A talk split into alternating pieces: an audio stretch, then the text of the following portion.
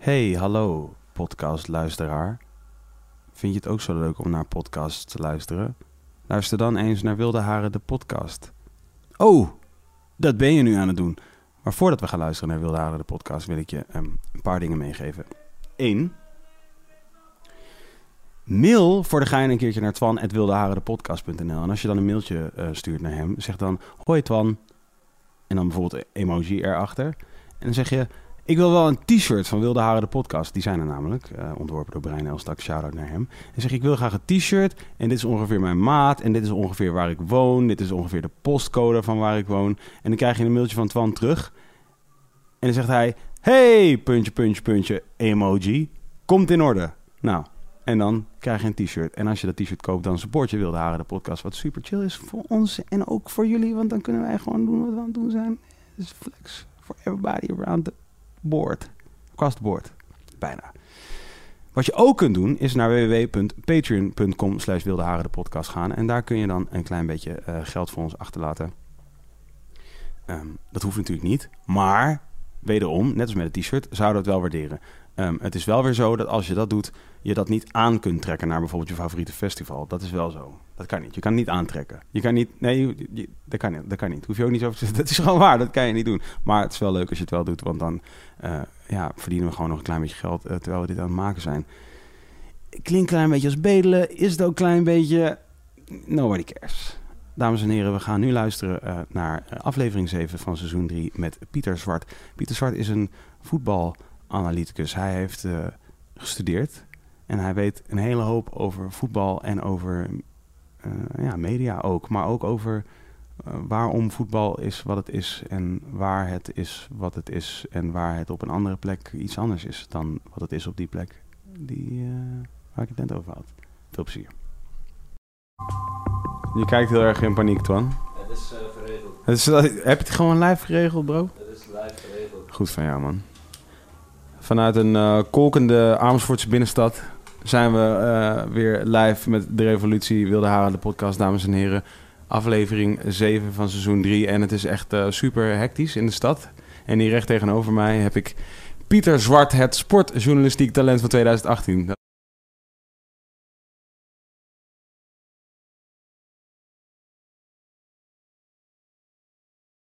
Dat is een een van de eh, uitverkiezing van de eh, sportpers. Eh, ja, en eh, dat jaar ben ik het eh, geworden. Ehm, het was Dit jaar, toch? Ja, dat is dit jaar. Ja. Ja. Dat was geloof ik over 2017. Dus eh, ik kreeg met 2018, maar het was over dingen die ik dan eh, gedaan had in 2017. Eh, het was wel geinig, want het jaar daarvoor, toen won ik bij eh, de tijdschriften.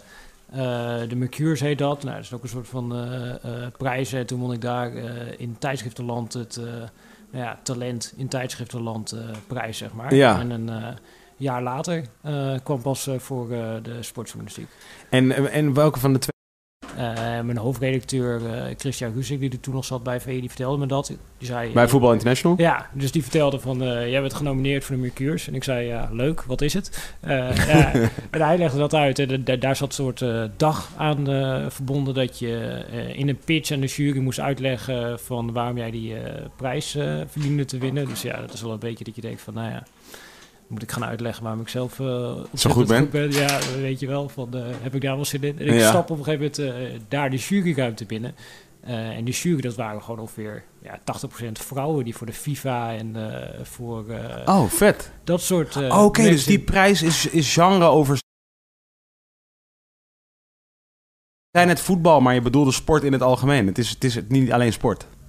Nou, de, die, die sportjournalistiek, dat is sport. En dit was gewoon tijdschriften. Ja, nee, dat bedoel ik. Ja, Ja. dus dat was eh, ja, sport overstijgend, dus dat was algemeen. Ja, en toen moest ik die mensen uitleggen van waarom dat wat ik deed, dat Ja. dat, dat relevant en dat het interessant was. Dus dat die uiteindelijk daarin overtuigd zijn geraakt, dat vond ik waardevoller dan dat ja, een soort van collega's zeggen van ja, je kan wel goede stukjes over voetbal schrijven. Hoe, hoe, hoe ging je stukje? Ja, het begon eigenlijk met eh, dat, dat ik eh, de definitie eh, van talent daar ter discussie stelde, zeg maar. Je, om te beginnen wilde jij graag even het woord de, eh, talent even herdefiniëren. Of in ieder geval Ja, even... er werd dus gevraagd van leg uit waar jij talent bent. Dus toen dacht ik, ja, nou ja, dan moet je eerst weten wat, wat is een eh, talent. Oké, oké, dus daar begon jij? Daar begon ik. En toen eh, heb ik eh, Johan Cruijff geciteerd. Want als ik het niet weet, dan eh, ga ik gewoon Johan Cruijff eh, citeren. Ja. Eh, en eh, die, die zegt, dat ging niet over talent, maar die heeft een uitspraak van... eh, er is maar één moment waarop je op tijd kan komen. eh, en ja, ja, als je er niet bent, ben je of te vroeg of te laat. Eh, en toen heb ik uitgelegd dat dat volgens mij is eh, wat talent vaak is. Dat eh, jij over bepaalde kwaliteiten beschikt die toevallig in die periode eh, gewaardeerd Mooi. worden. Dus een soort destiny. Je vervult, je vervult je destiny. Je bent op dat juiste moment, in time, ben jij op de plek waar je moet zijn met het juiste pakket aan kwaliteiten. Ja, precies. En met heel veel ja, toeval wat daar Ja. eh, bij komt. Dus in mijn geval, ja, ik heb natuurlijk heel veel te danken aan het internet. Mhm. eh, omdat daardoor ja, informatie beschikbaar kwam die daarvoor eigenlijk niet beschikbaar was. Ik had een platform waarop ik mijn ja, ideeën eh, kon spuien. Dat daarvoor eigenlijk eh, ook niet bestond. En er was eh, een soort van behoefte aan een ander soort journalistiek. Wat een journalist natuurlijk traditioneel gezien doet, is dat hij ja, tegels ligt. Dus je haalt spaarzame informatie, hou je naar boven en die openbaar je aan een groot publiek. Nou, ja, wat heeft het internet eh, eigenlijk gedaan? Die hebben het mogelijk gemaakt voor iedereen Om dat te doen. om dat direct te doen. En die hele middleman, wat, wat de journalist vaak was, die is eigenlijk helemaal niet meer eh, nodig. Als jij een groot publiek wil bereiken, als jij eh, voetballer bent of als jij artiest bent, ja, dan heb je eigenlijk niet meer een journalist nodig om dat te doen. En tegelijkertijd is er een enorm overschot aan informatie ontstaan. Er zijn een heleboel Mhm. hele interessante dingen die overal gezegd en geschreven worden, maar die misschien niemand leest of eh, ja, waar, waar eigenlijk nauwelijks eh, aandacht voor is. Waardoor er een soort van behoefte is ontstaan aan een ander soort journalist die kijkt naar, oké, eh, dit is de enorme berg met informatie die hier ligt. En wat is daarin nou interessant en Mhm. relevant voor jou? En die dat dan misschien op een begrijpelijkere manier kan uitleggen en toegankelijk kan maken voor een eh, groot publiek. Eh, en dat is een beetje het gat waar ik in de voetballerij eh, in ben gesprongen. Eh, ja, dus dat, dat was eigenlijk een beetje eh, Je verhaal. het verhaal. Ja, Een, een tourguide ben je. ja, ja dat, dat is het eigenlijk. Ik heb het inderdaad wel eens vergeleken met eh, eh, in een museum, weet je wel, dat je een, Ja. eh, een gids hebt. Eh, Ja. En als je normaal gesproken dan naar het schilderij kijkt, ja, kijk, ik ben geen kunstliefhebber. Dus als ik naar een eh, eh, schilderij kijk, denk ik, ja, ja, mooi. Maar als iemand dan daar naar kan kijken en jouw dingen kan vertellen en jouw dingen kan laten zien, waardoor dat hele schilderij in één keer eh, veel wordt. meer waarde Ja. krijgt, mooier wordt en ja, verhaal wordt eh, in feite, dan zit daar eh, toegevoegde waarde. Ja. En ik denk dat journalistiek dat eigenlijk ook vaak moet zijn. Gewoon verhalen vertellen en mensen dingen misschien laten zien die ze daarvoor niet zagen. En er zitten daar... hoe groot was de groep? Hoe groot was de jury? Ja, ik denk een stuk of tien. Dat Oké, dat, eh, waren. Waarvan acht vrouwen.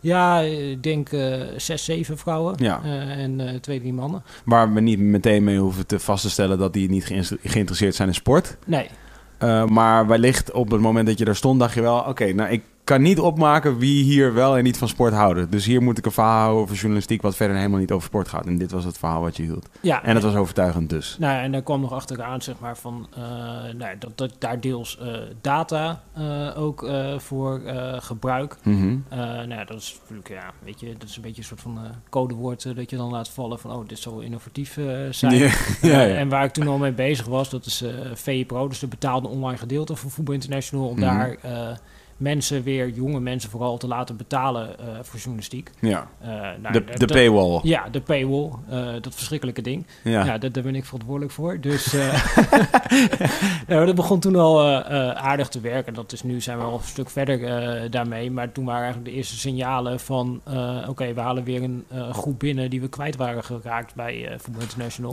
Er, was, er was een jonge groep kwijtgeraakt Ja, bij, bij het magazine. ja, maar dat is eigenlijk natuurlijk een eh, breed probleem in de journalistiek. Weet Mhm. je, iedere krant, iedere magazine kan met het probleem dat eh, ja, de lezersgroep die eh, vergrijst en op papier neemt uiteindelijk neemt de oplage neemt af.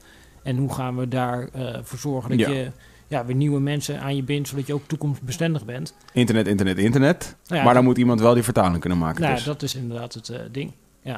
en, toen, en daar was jij met data. Ja, ja, ja, dat is ongeveer het eh, verhaal, ja. En jij hebt, want jij hebt eh, ten grondslag hieraan ligt een studie mass media. Ik heb communicatiewetenschap gestudeerd, ja. En eh, heb, heb je dat afgemaakt? Ja, ja. En wat, wat was, jij was uiteraard al sportfanaat, eh fan, voetbal met name. Ja. Ehm, was, het, was het tijdens jouw hele studie al meteen voor jou duidelijk van... oké, dat, dat wordt de combinatie die ik ga maken. Dit wat ik hier aan het studeren ben... en mijn liefde voor sport en voetbal in het bijzonder? Ja, want ik was eigenlijk eh 15. Toen ben ik eigenlijk een beetje begonnen in de sportjournalistiek. Ik ben toen tegelijkertijd eh, begonnen met mijn eigen blog, Catenaccio. Eh ja, meer analytische blog over voetbal. En ik ben toen voor de plaatselijke Huis en Huis ben ik stukjes gaan schrijven. Eerst over sport, maar daarna eigenlijk over ieder onderwerp. Dus ook over de postbode die eh 50 jaar in het vak zat. Dus via die twee routes ben ik een beetje de journalistiek ingewandeld. Eh en toen Uit Oldenzaal kom je, toch? Oldenbroek. Oldenbroek. Nou, het is ook de middle of nowhere, dus Ja, in principe is het Sorry, hetzelfde. iets ja. met Olden. Ja, precies. Ja. Was daar, was daar eh, wat, wat, wat, is, wat is de dichtstbijzijnde club?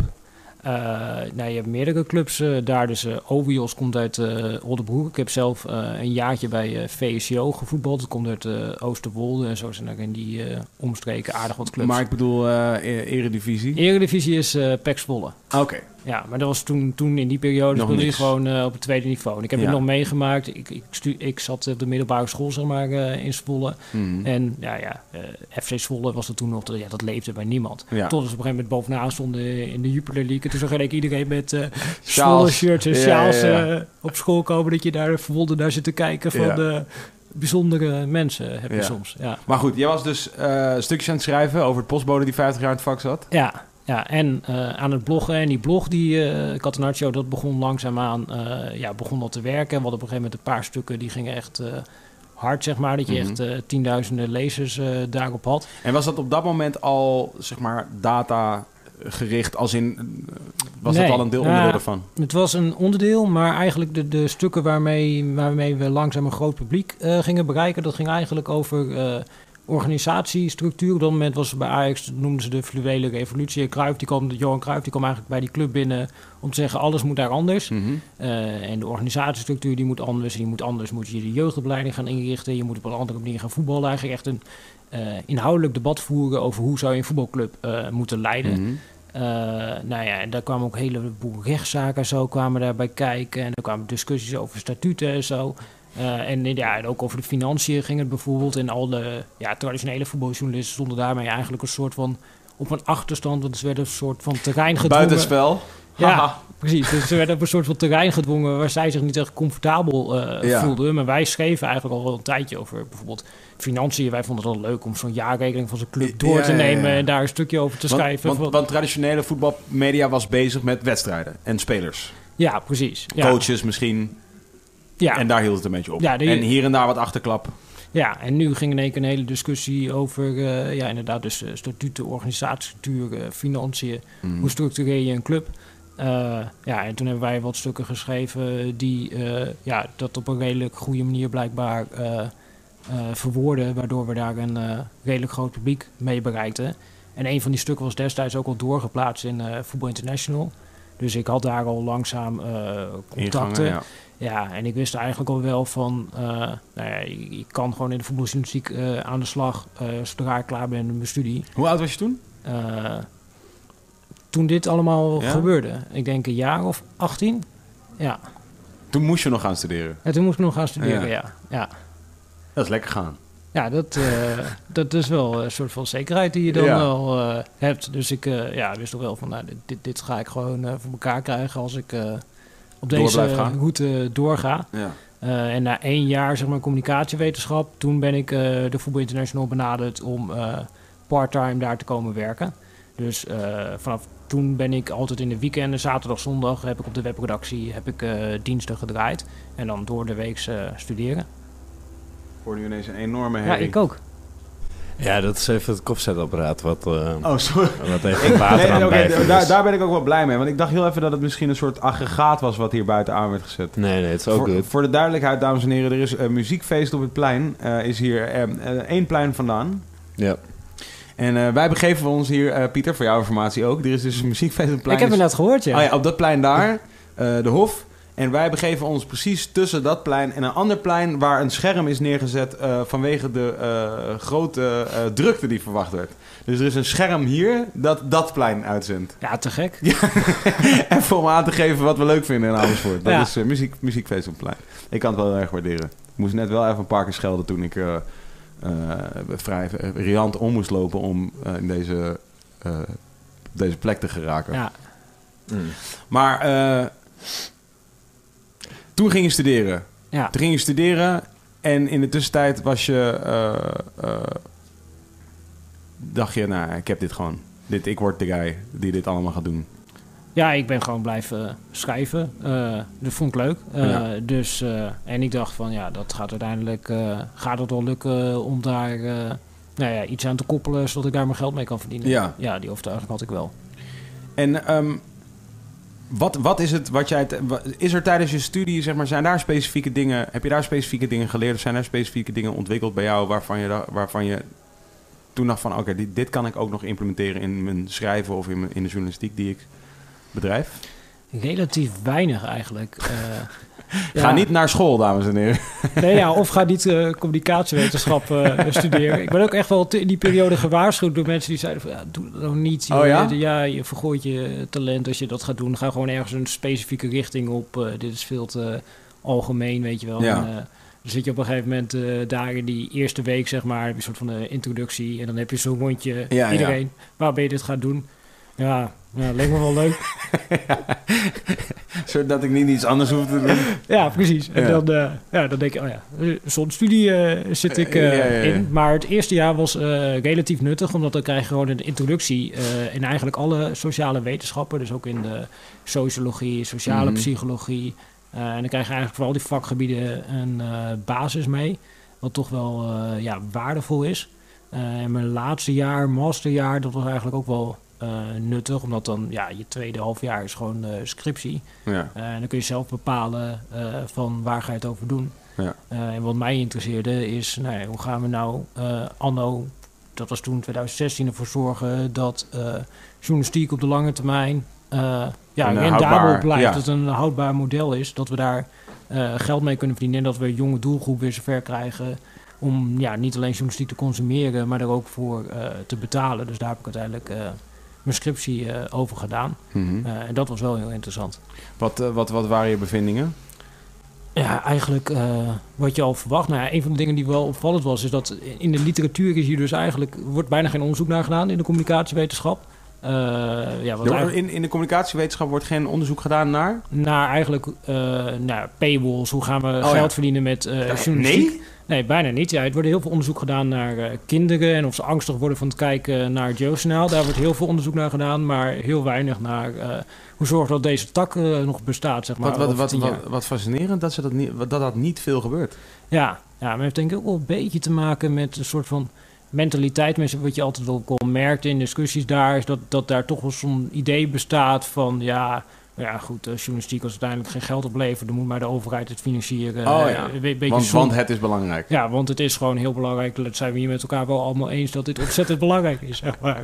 eh, eh, da- idee. En daar kwam jij al op een andere manier eigenlijk op binnen. Jij, jij kwam al meteen binnen met van, nou, dat, zo werkt het niet. Ja, en ik, ja, ik, ik was zelf met eh Catenaccio bezig met de vraag van... Nou, hoe gaan we hier nou eh, op een gegeven moment... Stel dat ik dit zou willen, hè, hoe ga ik hier een Een eh, verdienmodel, verdienmodel eh, op eh, bouwen? Eh, ja, en eh, überhaupt, weet je... eh, ik werkte dus ook bij die lokale huis en huis. En dat ging gewoon op opdracht. Dus ik kreeg iedere week eh, een opdracht van... eh, kun je dit eh, maken?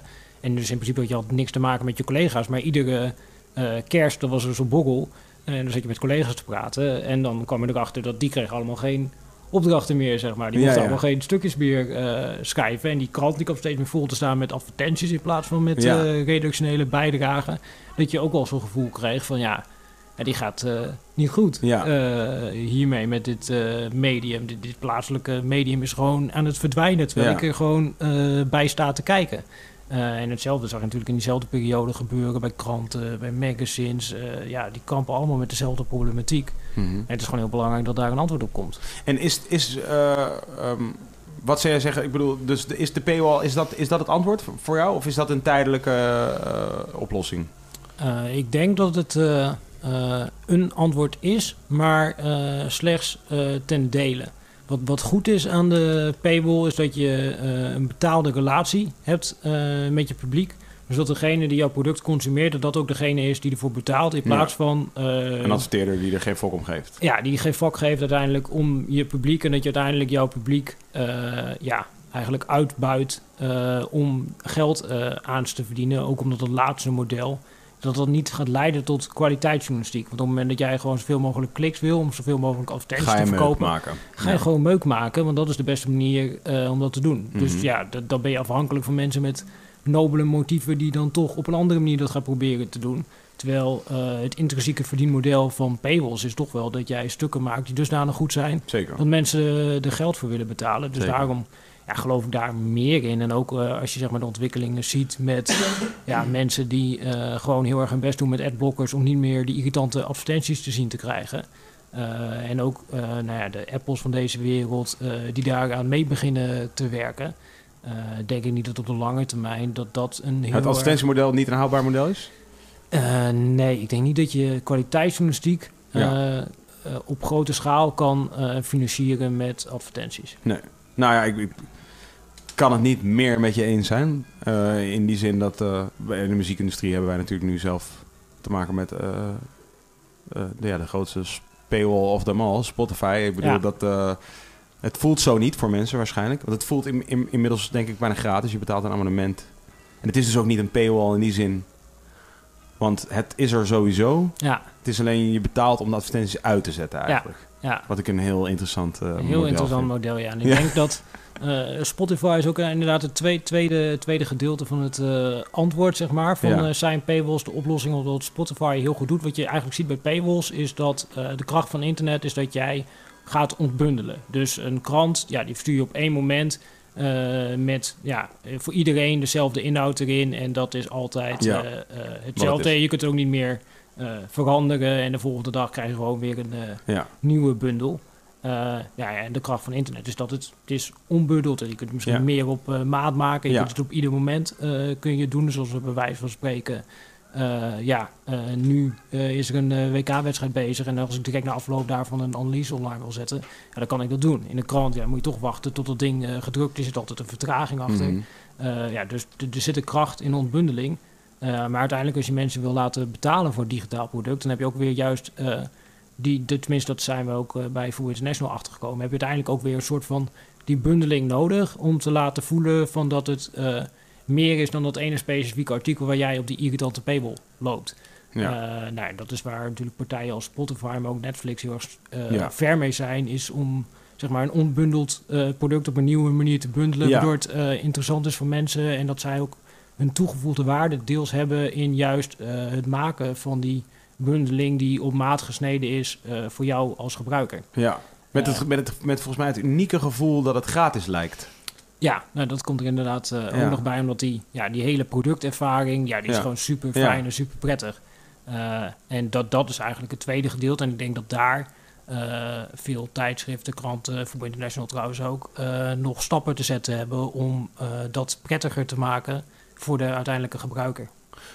Hoe, hoe heb jij Voetbal International kunnen overtuigen van het maken van dit soort stappen? Want ik kan me voorstellen, je bent jong nog steeds. Mhm. Hoe oud ben je nu? Ik ben nu 25. Maar toen je daar, toen je daar kwam? Eh, toen er daar binnenkwam, dat was een, op de webredactie was vijf jaar geleden. Eh, dus Ja. toen was ik twintig.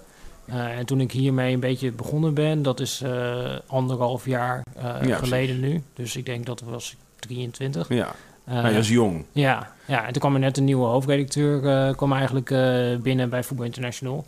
En toen zat ik op het punt dat ik ongeveer aan het afstuderen was. Dus dat ik dacht van, nou ja, wat ga ik doen?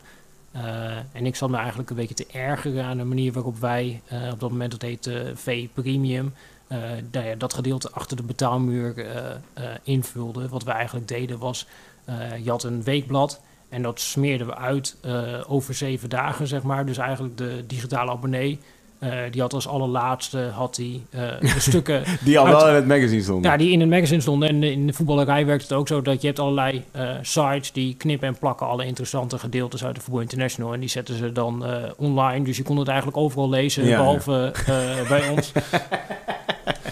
nou, dat was niet Dat is een topmodel, ja. Ja, ja, precies. Eh, en zo had ik een paar ergernissen wat ik dacht van... ja, maar dit is zo simpel om dit beter te doen eh, dan dat we nu doen. Maar dan ben je 23 en dan denken mensen van... ja, ga jij nou maar eerst even gewoon eh baard laten groeien. Ja, precies. Dus ja, ik had geluk dat er net, net op dat moment een soort van verschuiving van was. wacht, ja. en, en hij kende mijn blog, Catenaccio, de nieuwe hoofdredacteur, die was er heel erg enthousiast over. Eh, en toen op een gegeven moment had ik een gesprek met hem en de uitgever op dat moment, Robert van der Ham. Eh, ja, en toen heb ik eigenlijk op tafel gelegd van, nou, volgens mij is dit niet oké. Volgens mij zouden we het op een andere manier eh, moeten doen. En toen zeiden zij van, maak maar een plan. En waar hij eigenlijk een beetje op gerekend had, Christian Ruzing, de hoofdredacteur, was: oké, journalist maakt een plan. Het is een soort van A4'tje met wat willekeurige gedachten. Een, Maar- een bierveeltje. ja, mijn idee van het plan was: oké, dit, dit moet ik serieus gaan aanpakken en serieus gaan onderbouwen. Dus ik had een plan van eh 25 eh, A4'tjes met allerlei onderbouwing en eh, verwijzingen naar eh, relevante cases eh, elders, zeg maar. Eh, nou, en hij las dat en hij was eh, lyrisch enthousiast en hij zei: Ja. eh, ga maar doen.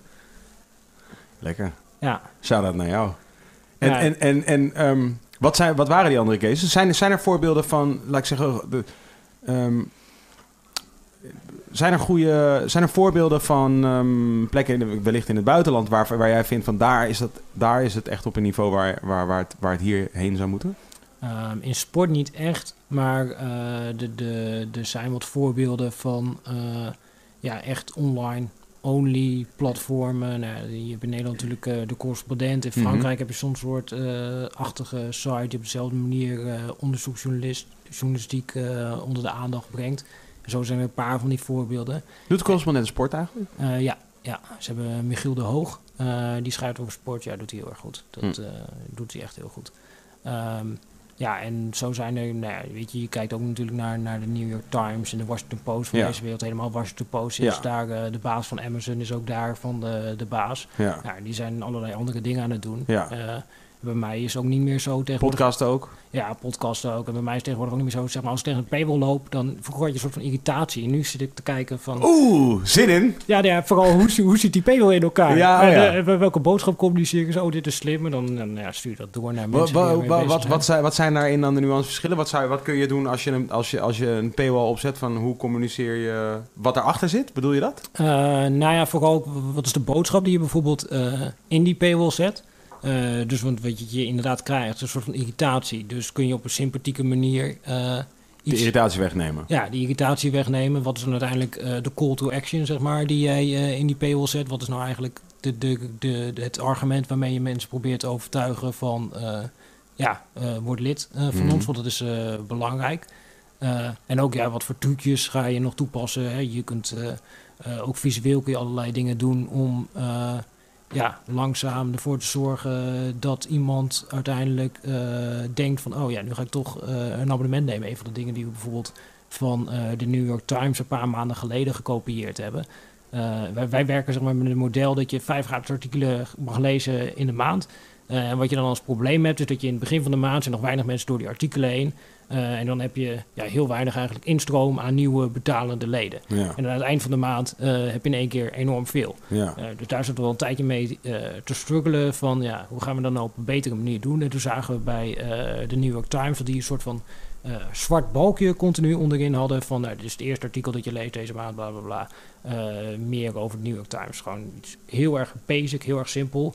Eh, en wij dachten, ja, het kan op zich geen kwaad. Laten we dat ding eens een keer eh, onderaan eh, zetten, ook op onze site. En dat ging eigenlijk direct als een malle. Tegenwoordig halen we bijna alleen nog maar abonnementen binnen op dat zwarte balkje onderaan in plaats van die harde paywall-melding Ja. eh, in je face. Maar dat is natuurlijk ook omdat dat is nog een artikel wat je helemaal kan lezen en dan onderaan zie je eh, Gewoon een lief verzoek. een lief verzoek van eh, ja, wo- word abonnee en dan kun je dan ook nog bijzetten van je hebt nu al drie keer je vijf gratis artikelen gebruikt. eh, blijkbaar waardeer je ons. eh, probeer het eens een keertje langer en dan met een aanbieding, want er zijn Nederlanders natuurlijk ook wel eh, gevoelig voor.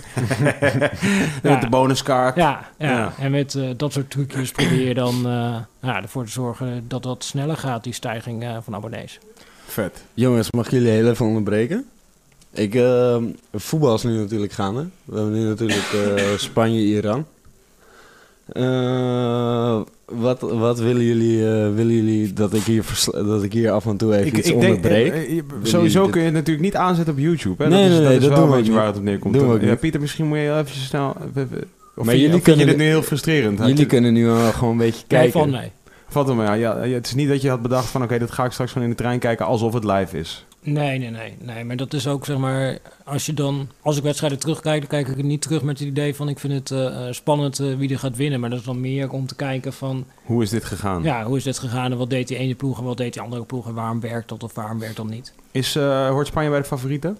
Denk ik wel. Alleen ze hebben natuurlijk, ze hadden een bondscoach Ja. en die hebben ze een dag voor het toernooi ontslagen. Ja. En je weet natuurlijk nooit wat voor eh, effect dat gaat hebben. Waarmee, waarmee de Nederlanders nog even werden, ver- werden, werden heel even werden verleid met, het, met, het, met, het, met, het, met de minuscule kans dat daarmee eh, ze gedisqualificeerd van het toernooi zouden worden. En wij stonden nummer 1 op de wachtlijst. Ja, dat was wel, nou ja, dat was redelijk bizar. Dat was een grapje eigenlijk van een collega Oh. eh, van mij. Serieus? Ja, maar wij stonden, staan natuurlijk helemaal niet bovenaan eh, de reservelijst. Wij hebben niet eens eh, de play-offs hebben we gehaald. Dus ja, als er al een reservelijst was, dan zouden er hoogstens eh 25 op staan, zeg maar. Ja. Dus er moest, moet er overal moet er een burgeroorlog uitbreken. Dan mogen we misschien gaan. Ja, plus het is natuurlijk ook niet zo dat het verboden is om een dag voor eh, eh, het toernooi eh, je bondscoach te ontslaan. Maar in Nederland was de hoop zo groot van, oh, we mogen toch naar het toernooi. Dat mensen zelfs ja, de meest kromme eh Ja. relatie... Ik eh, was er ook meteen ingetrapt. Ja, ik, ik bedoel, ik moet wel zeggen dat het me ook niet echt... Ja, het is wel een beetje vloek in de kerk, maar het kan me ook niet superveel schelen dat we er niet bij zijn. Maar dat is ook omdat ik een beetje zoiets heb van, ja, we verdienen het ook niet. Ja, Eh, maar, maar, maar ik kan me wel voorstellen dat het voor jou beroepsmatig gezien natuurlijk wel een gemis is dat, je nu niet, dat, dat Nederland niet op een eindtoernooi meedoet. het is leuk als Nederland eh, wel bij is. Maar ik ben het ook met jou eens eh, dat we niet verdienden om erbij te zijn. Nee, toch? Nee.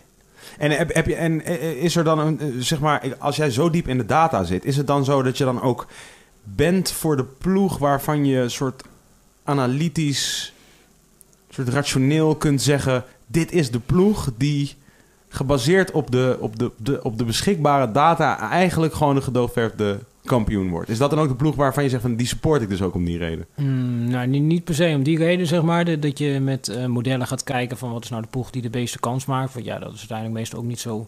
Ja, maar ze doen dan Ontzettend dus ook spannend. alles goed dus. eh, ja, je hoeft niet eens alles goed te doen. Kijk, als jij het meeste geld hebt en je hebt de beste spelers... dan eh, heb je per definitie de Ja, meeste kans, ongeacht wat je doet. Maar wat ik wel... Volgens mij, advocaat van de duivel, als jij de beste spelers hebt, dan heb je waarschijnlijk ook een hele goede voetbalcultuur in je land. Ja, en die ja, heb je ook gecultiveerd. Zeker. Toch? Dus zeker. ik bedoel, dat, dat is een verdienste. Nee, dat is absoluut eh, een verdienste om uiteindelijk spelers op te leiden van het allerhoogste niveau. Daar heb je wel een bijdrage in. Ik heb het er wel eens over het voorbeeld van eh Baskeland versus eh, China. Mhm. Nou, China heeft een veelvoud van de populatie van Baskeland. Maar in Mm. Baskeland is een club, Atletiek de Bilbao, die speelt alleen maar met spelers uit Baskeland. Dus die ja, beperken zichzelf daarin. Dus die kunnen ook alleen maar ja, spelers opleiden uit Baskeland. Mhm. Eh, en dan kan er ook niks verloren gaan. Dus dan dwing je jezelf om daar ja, het maximale eigenlijk uit te Ja. halen. En die club, ja, die draait al jaren in Spanje, wat een van de beste competities eh, ter wereld is, mee gewoon In structureel in de subtop. Ja. Eh, die hebben eh, redelijk recent nog een keer een Europa League finale gehaald. Nou ja, eh, ja, dat is toch wel prestaties wat heel bijzonder is. Als Ja. jij eh, alleen spelers selecteert uit een heel klein gebied die je In vergelijking met het Chinese voetbal is dat wel duidelijk een goede prestatie. Ja, want die, die hebben natuurlijk een eh miljardenpopulatie om uit te kiezen. Ja. En daar komt eigenlijk, ja, er is niet eens één fatsoenlijke Wat is dat met Azië en voetbal? Met Azië en voetbal. Ja, het gebrek aan Azië in voetbal. Eh, ja. Ik eh, bedoel, inderdaad, wat je zegt, van het, is, het maakt nou, Azië in zijn geheel. Hoe, hoe, hoe groot deel van de wereldbevolking is het? Volgens mij een De vijfde, vijfde? of zo. Ja, precies. Ja. Echt gigantisch. Ja. Je zou denken, toch, dat we Ja. overlopen worden door, eh, door, de, door de Aziaten in, eh, in Ja. het voetbal. Maar Ja. dat is niet zo. Nee, eh, een van de dingen die daar natuurlijk wel eh, in meespeelt, waar wa- wat blijkt, is dat er een soort van eh, correlatie is tussen eh, een soort van inkomen eh, van een bepaald land. Eh, eigenlijk, ja, je moet En sportcultuur in het algemeen ja, waarschijnlijk? sportcultuur in het algemeen eh, ook, maar je moet eigenlijk eh, boven een bepaald inkomensniveau zitten. Zeg maar dat je niet iedere dag je zorgen hoeft te maken over heb ik wel iets te eten. Ja. eh, om uiteindelijk eh, goede voetballers eh, op te leiden. Maar Brazilië is toch ook bijvoorbeeld wel echt een land wat te kampen heeft met... Ja, eh, maar dat zit ongeveer zeg maar, precies op die grens die, Ah, die dan... idea- Nederland zit eigenlijk al op de grens van, van Ja. dat je decadent begint te worden, zeg maar. Dat jeugd niet Ja, meer op straat eh, sport en dat is ook een eh, nadeel. Eh, je wil eigenlijk het liefst dat het daar Ja, net, mooi die- tussen zit. Ja, net, Dus het moet net genoeg struggle zijn om het heel graag te willen, ja, maar wel net genoeg faciliteiten om het ook te kunnen. ja, en om het eh, te, te structureren, ja, dat is uiteindelijk wat je nodig hebt. En je hebt een soort van ideale, de ideale combinatie is eigenlijk dat je in de, in de jeugd, dat het daar nog het meest eh, vrij is. Dat, dat je daar gewoon eh, echt spelende wijs, eh, onbewust, impliciet aan het leren bent. Eh, en dat je zeg maar later in de opleiding, dat je langzaam steeds meer eh, expliciet structuren begint eh, aan te Mhm. brengen. Zodat die spelers die eh, in de basis, in de techniek, eh inzicht al heel erg gevormd zijn, eigenlijk eh, impliciet dat die dan nog eh, ja, dingen meekrijgen waarmee ze dat talent de- ja, net iets beter eh, kunnen gaan inzetten. En dat is eigenlijk eh, de ideale structuur als je dat eh, in je land hebt. Hoe, hoe, hoe belangrijk... Ik was, ik was denk ik... Nou, misschien een jaartje geleden was ik bij de voetbalpodcast... waarvan jij de naam weet. Ja, van FC Afkikken was FC Ja. was ik. En, eh, ja, en ik, ik moet zeggen, ik ben be- heel erg opgegroeid met voetbal... in die zin dat mijn vader was een groot, groot voetbalfan. Ik was heel veel aan het voetballen. Nooit voetbal gezeten, maar wel heel veel aan het voetballen. Laat ik zeggen, gewoon buiten. Eh, ik was ook gewoon überhaupt sportfan. Ik hield van sport en ook eh, kijken en spelen. Ehm, maar, op- maar gedurende mijn leven, levensontwikkeling, ben ik, ben ik, bij, ben ik mijn voetbal, liefde voor voetbal ben ik wel, laat ik zeggen, voor het kijken naar voetbal ben ik verloren. En ik was het ook niet aan het doen. En dan verlies je eigenlijk gewoon in het algemeen een beetje je liefde. Behalve dus het Nederlands elftal, maar dat ben ik dus nu ook eigenlijk. Ja, ik, zou, ik durf te zeggen, nagenoeg kwijt. Ja, Ik, het kan me ook echt niet meer schelen. Dus ik heb de laatste wedstrijden, de kwalificatiewedstrijden niet, niet meer. Ik dacht gewoon van, ik, het kan me ook echt niks meer schelen. Ja. Maar dan was ik dus bij, bij de vrienden van FC afkicken. Om de een of andere reden. Ik weet ook niet precies waarom. Maar ja was, ze, ze vroegen, kijk je wel eens voetbal? Nee, nou, dan, dan kom, kom je... even langs. Ja. dus ik was daar. Ik ga trouwens af en toe heel onsmakelijk zitten blaffen. Ik ben een beetje net, mijn verkoudheid is net een beetje bijna over. Sorry daarvoor. Ehm, ik was daar en toen vroegen ze dus van ja, eh, ze waren natuurlijk aan het discussiëren over voetbal. Ja, ik zat er toch, dus ik moest wel een beetje praten. Dus ik zei, nou, mijn theorie is, en ik, ga nu, ik wil nu even toetsen bij jou, want jij, jij bent kundig. Kijk, deze mensen zijn natuurlijk gewoon allemaal, dat zijn gewoon allemaal mensen die gewoon een beetje zitten bier te drinken en te praten over voetbal. Nee, dat is helemaal niet eerlijk, zij zijn ook kundig, maar jij bent heel enorm kundig. Ik zei, volgens mij is het zo dat ik heb voor mijn gevoel over de jaren een patroon ontdekt in het Nederlands elftal.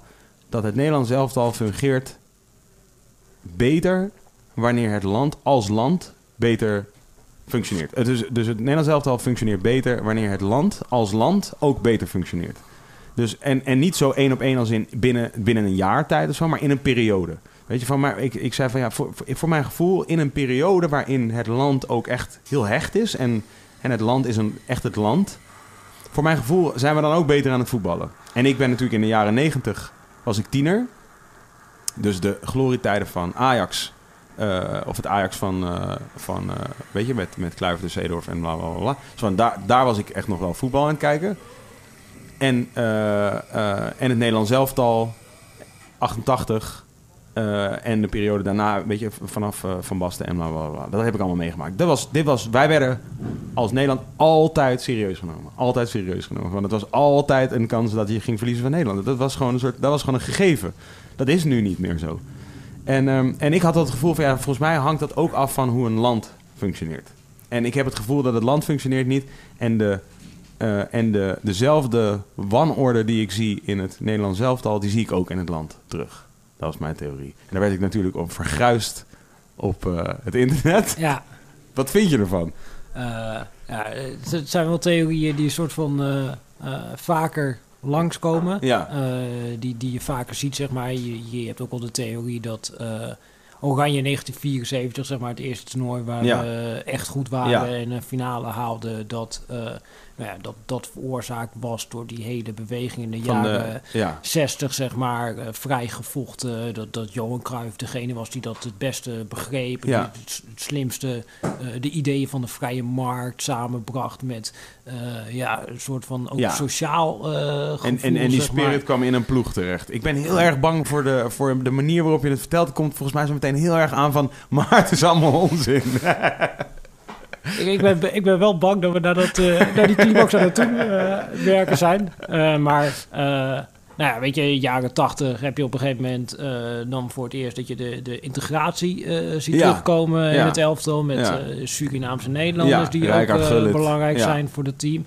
Nou, dat komt er daarna nog achteraan. Weet je, je hebt natuurlijk het EK 1996 gehad, waar de kabel, dus ja, de, de spelers van Surinaamse afkomst, die dan ja, een soort van in conflict kwamen met, eh, ja, met de teamleiding. ja, nou ja, met de teamleiding inderdaad. Eh, onder andere bondscoach Guus eh, Hiddink, die ruzie had met eh, Edgar Davids. En nou ja, dat ging eh, dwars door dat hele team heen. En dan in eh 98 dat ze dat weer bij elkaar wisten te brengen. En dat je dan eh, succes eh, hebt. En nou ja, je kunt ook wel degelijk zeggen dat zeg maar, die invloed van die spelers met een andere achtergrond... dat dat eh, impact heeft op uiteindelijk hoe dat eh, elftal presteert. Dat het ook iets eh, toevoegt wat misschien niet in de traditionele Nederlandse volksaard zit. Eh, alleen ik denk niet dat je 100% gelijk kan stellen van... eh, Nee, maar dat is ook niet wat ik zei. Dat is ook Nee, niet- nee, nee, Ik maar- vind het wel een milde... Ik, vind, ik, ik had een heftigere burn verwacht. Ik dacht van, nee, je gaat echt zeggen, nee, dat is echt onzin. Maar namelijk, dus inderdaad, want da, daar, dat onderwerp heb ik nog niet eens aangesneden, maar jij begint er nu over, dat is ook wat ik daar zei, is van, volgens mij nu, als jij de bondscoach van het Nederlands elftal bent, en dan zit je in een unieke positie, anders dan volgens mij in een heleboel andere landen. In Duitsland is er zeg maar wel een, weet je, er zitten, er, hè, er, er zitten ook wat, wat zeg maar andere etniciteiten in, ja, in de nationale ploeg. West-Europa is dit natuurlijk wel. West-Europa is, natuurlijk, eh, maar goed, oké. Frankrijk bijvoorbeeld, dat is Frankrijk is het ook wel, wel natuurlijk wel aan de hand. Maar ik weet niet of een... ehm, in Nederland op dit moment... Ik had vanmiddag een gesprek met... eh, ik had vanmiddag een gesprek met twee eh, Surinaamse mensen. En die zeiden dus van... Ja, als je in Amerika praat, Amerikanen... Een Amerikaan zegt, ik ben Amerikaan. Of hij nou Afro-Amerikaan is, een, eh, weet je, eh, Latino is... eh, Aziatische Amerikaan of whatever. Ze, zijn, ze zeggen, ik ben Amerikaan. In Nederland inmiddels ehm, zeggen mensen, ik ben Surinamer.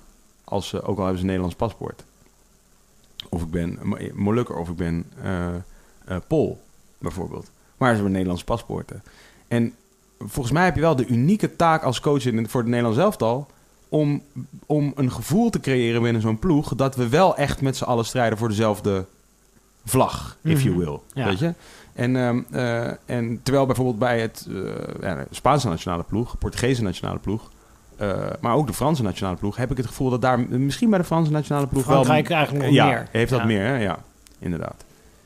Maar de Spaanse en de Portugese ploeg heeft dat volgens mij niet. Nee, die hebben dan minder. Nee. En de Braziliaanse ploeg heeft dat ook niet. Terwijl daar ook zitten ook. Nou ja, daar zitten ook wel dingen door elkaar Nee, ik bedoel, er zitten, dingen, er zitten kleuren door elkaar heen, maar het zijn allemaal Brazilianen, is wat ik bedoel te zeggen. Mhm. Snap je wat ik bedoel? Van het Nou ja, gevoel is ook, we dat zijn Brazilië. Sowieso in Nederland bestaat dat niet heel erg. Dat, dat echte nationalisme, om dat echte gevoel van ja, wij zijn eh, eh, de beste. Ja. Ja, er is in Nederland natuurlijk ook altijd wel een soort van idee Ja, van- maar ik denk wel dus dat in 88 bijvoorbeeld, toen, toen en ik bedoel, ik was toen eh, heel jong, zeven. Eh, dus, dus ik heb het niet super bewust meegemaakt. Maar wat ik me wel kan herinneren is dat, is dat ook niet, is dat, was dat ook niet het jaar dat André Hazes Nederland, oh Nederland kwam Ja. zingen in de studio? Ja. Ja, dus er, dat gevoel was er wel echt. Dat lied werd gezongen, Mhm. weet je? Eh, ehm, Maar misschien dat gevoel zou het toch ook alweer zijn als Nederland er nu gewoon bij dat was weet geweest. ik dus niet. Dan waren Nou, al die dat vraag- straten er gewoon weer oranje Nee, nee, nee. de straten zijn oranje. Natuurlijk zijn de, de straten zijn wel oranje. Maar, maar is, er, is er een echte eenheid in het land? Eh, ehm, en hoe vertaalt zo'n eenheid zich echt naar, naar een ploeg? Weet je, dat ik. Ja, zeg jij maar. Ja, je hebt ervoor gestudeerd. nee, ik vraag me dat dus eerst af of dat... eh, en niet natuurlijk... Ik bedoel, kijk, als jij, als jij, als jij gewoon de technisch meest getalenteerde voetballers van de wereld hebt... in, je, in, de, in, in de gelederen, dan, ja, oké, dan hoef je het daar allemaal niet over te hebben. Maar ik denk dat op het moment dat je zeg maar op, eh, op karakter moet gaan voetballen... eh, zoals eh, wat ik me kan herinneren voor van eh, het WK in Amerika in eh, 1994... met mensen als Peter van Vossen en zo... die Mhm. zeg maar niet per se... ehm, ge- waren geen slechte voetballers, maar waren geen voetballers van wereldklasse. Ja. Maar ze maakten wel het verschil als het erop aankwam, toch? Van er werd wel gestreden. En ik heb het gevoel dat dat er nu. Ik bedoel, is dat niet een van de dingen die nu eh, wat je nu hoort? Is van er wordt niet gestreden door de Nederlandse Ja. ploeg zoals er ooit gestreden werd? Nou ja, dat, dat is een idee wat, wat er bestaat. Eh, winnaarsmentaliteit. Maar goed, ja, dat is natuurlijk ook nog gewoon een hol eh, Ja. containerbegrip zonder definitie. Maar wat wel een probleem is, in Nederland denk ik in het algemeen, is dat er moet wel een soort van collectief idee zijn waar iedereen zich achter kan scharen, wat iedereen eh, begrijpt. Ja. Eh, en dat je dan ja, samen begrijpt van we zijn hier aan hetzelfde eh, aan het werken. En dat zag je eigenlijk voor het laatst bij Nederland zelf al tijdens het WK 2014 met Louis van Gaal als bondscoach. Die een duidelijk idee had over oké, zo gaan we spelen. We hebben bepaalde tekortkomingen, maar we hebben ook bepaalde kwaliteiten. En als we op deze manier spelen, dan kunnen wij ontzettend ver komen Ja. op dat eh, toernooi. Ja. Nou, dan gaat zo'n ploeg eh, daarin geloven. Dan Ja. wordt zo'n selectie, dat wordt eh, een geheel. En dan kun je eh, resultaat boeken.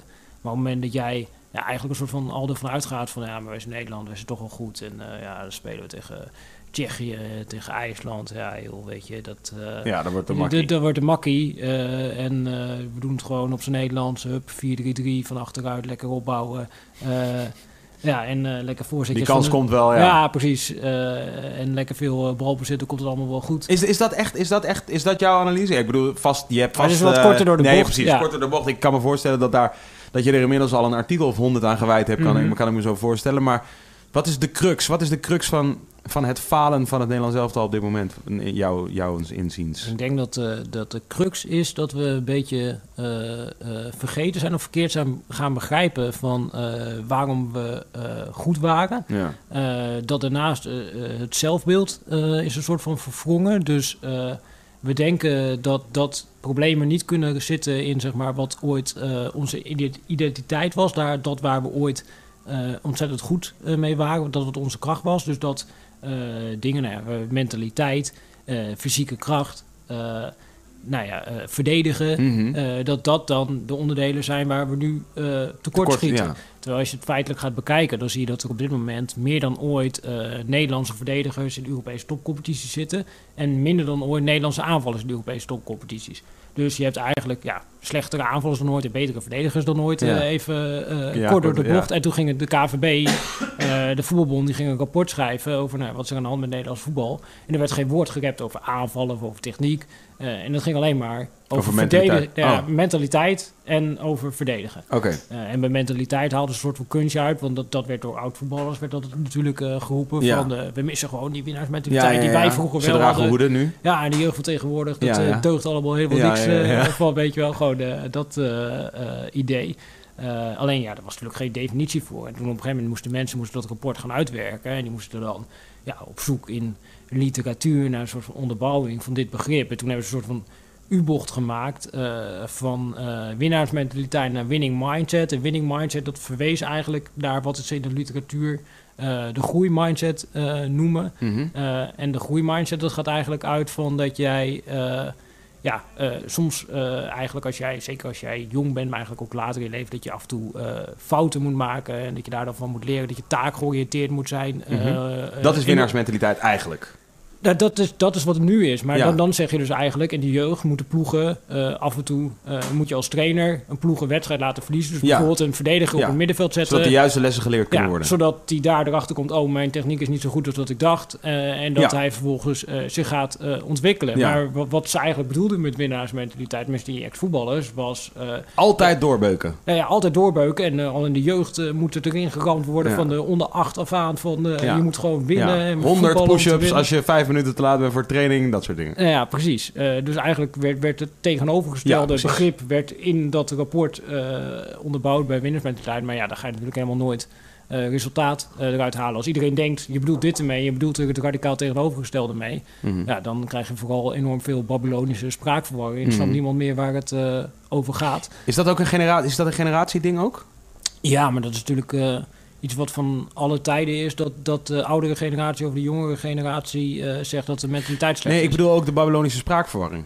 Eh, nou, dat werd in dit geval ook wel veroorzaakt door de KNVB... die dan eh, een rapport gingen schrijven op basis van dingen die mensen gewoon maar geroepen hadden. Dus het ging Ja. over wie wat had gezegd in plaats van over wat ze nou eigenlijk zeiden... of het nou eigenlijk al zinnig was wat Ja. ze zeiden.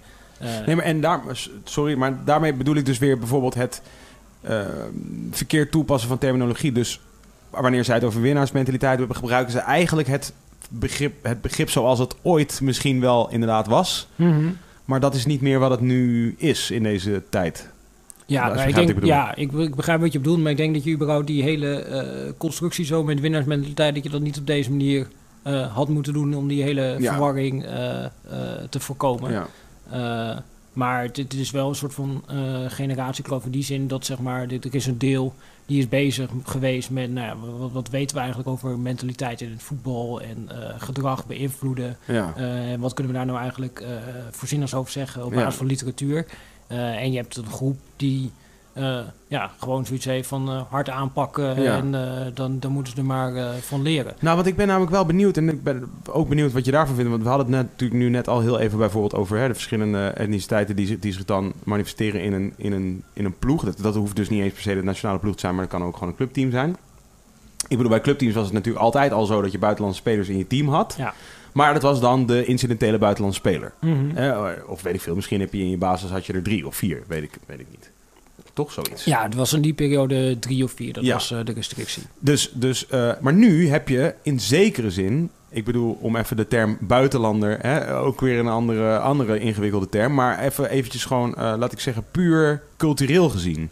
Heb je mensen die van andere culturen in de ploeg zitten? Ja. Sommige ploegen bestaan wel uit acht Nederlanders, maar die acht Nederlanders bestaan uit zes andere culturen dan de Nederlandse cultuur.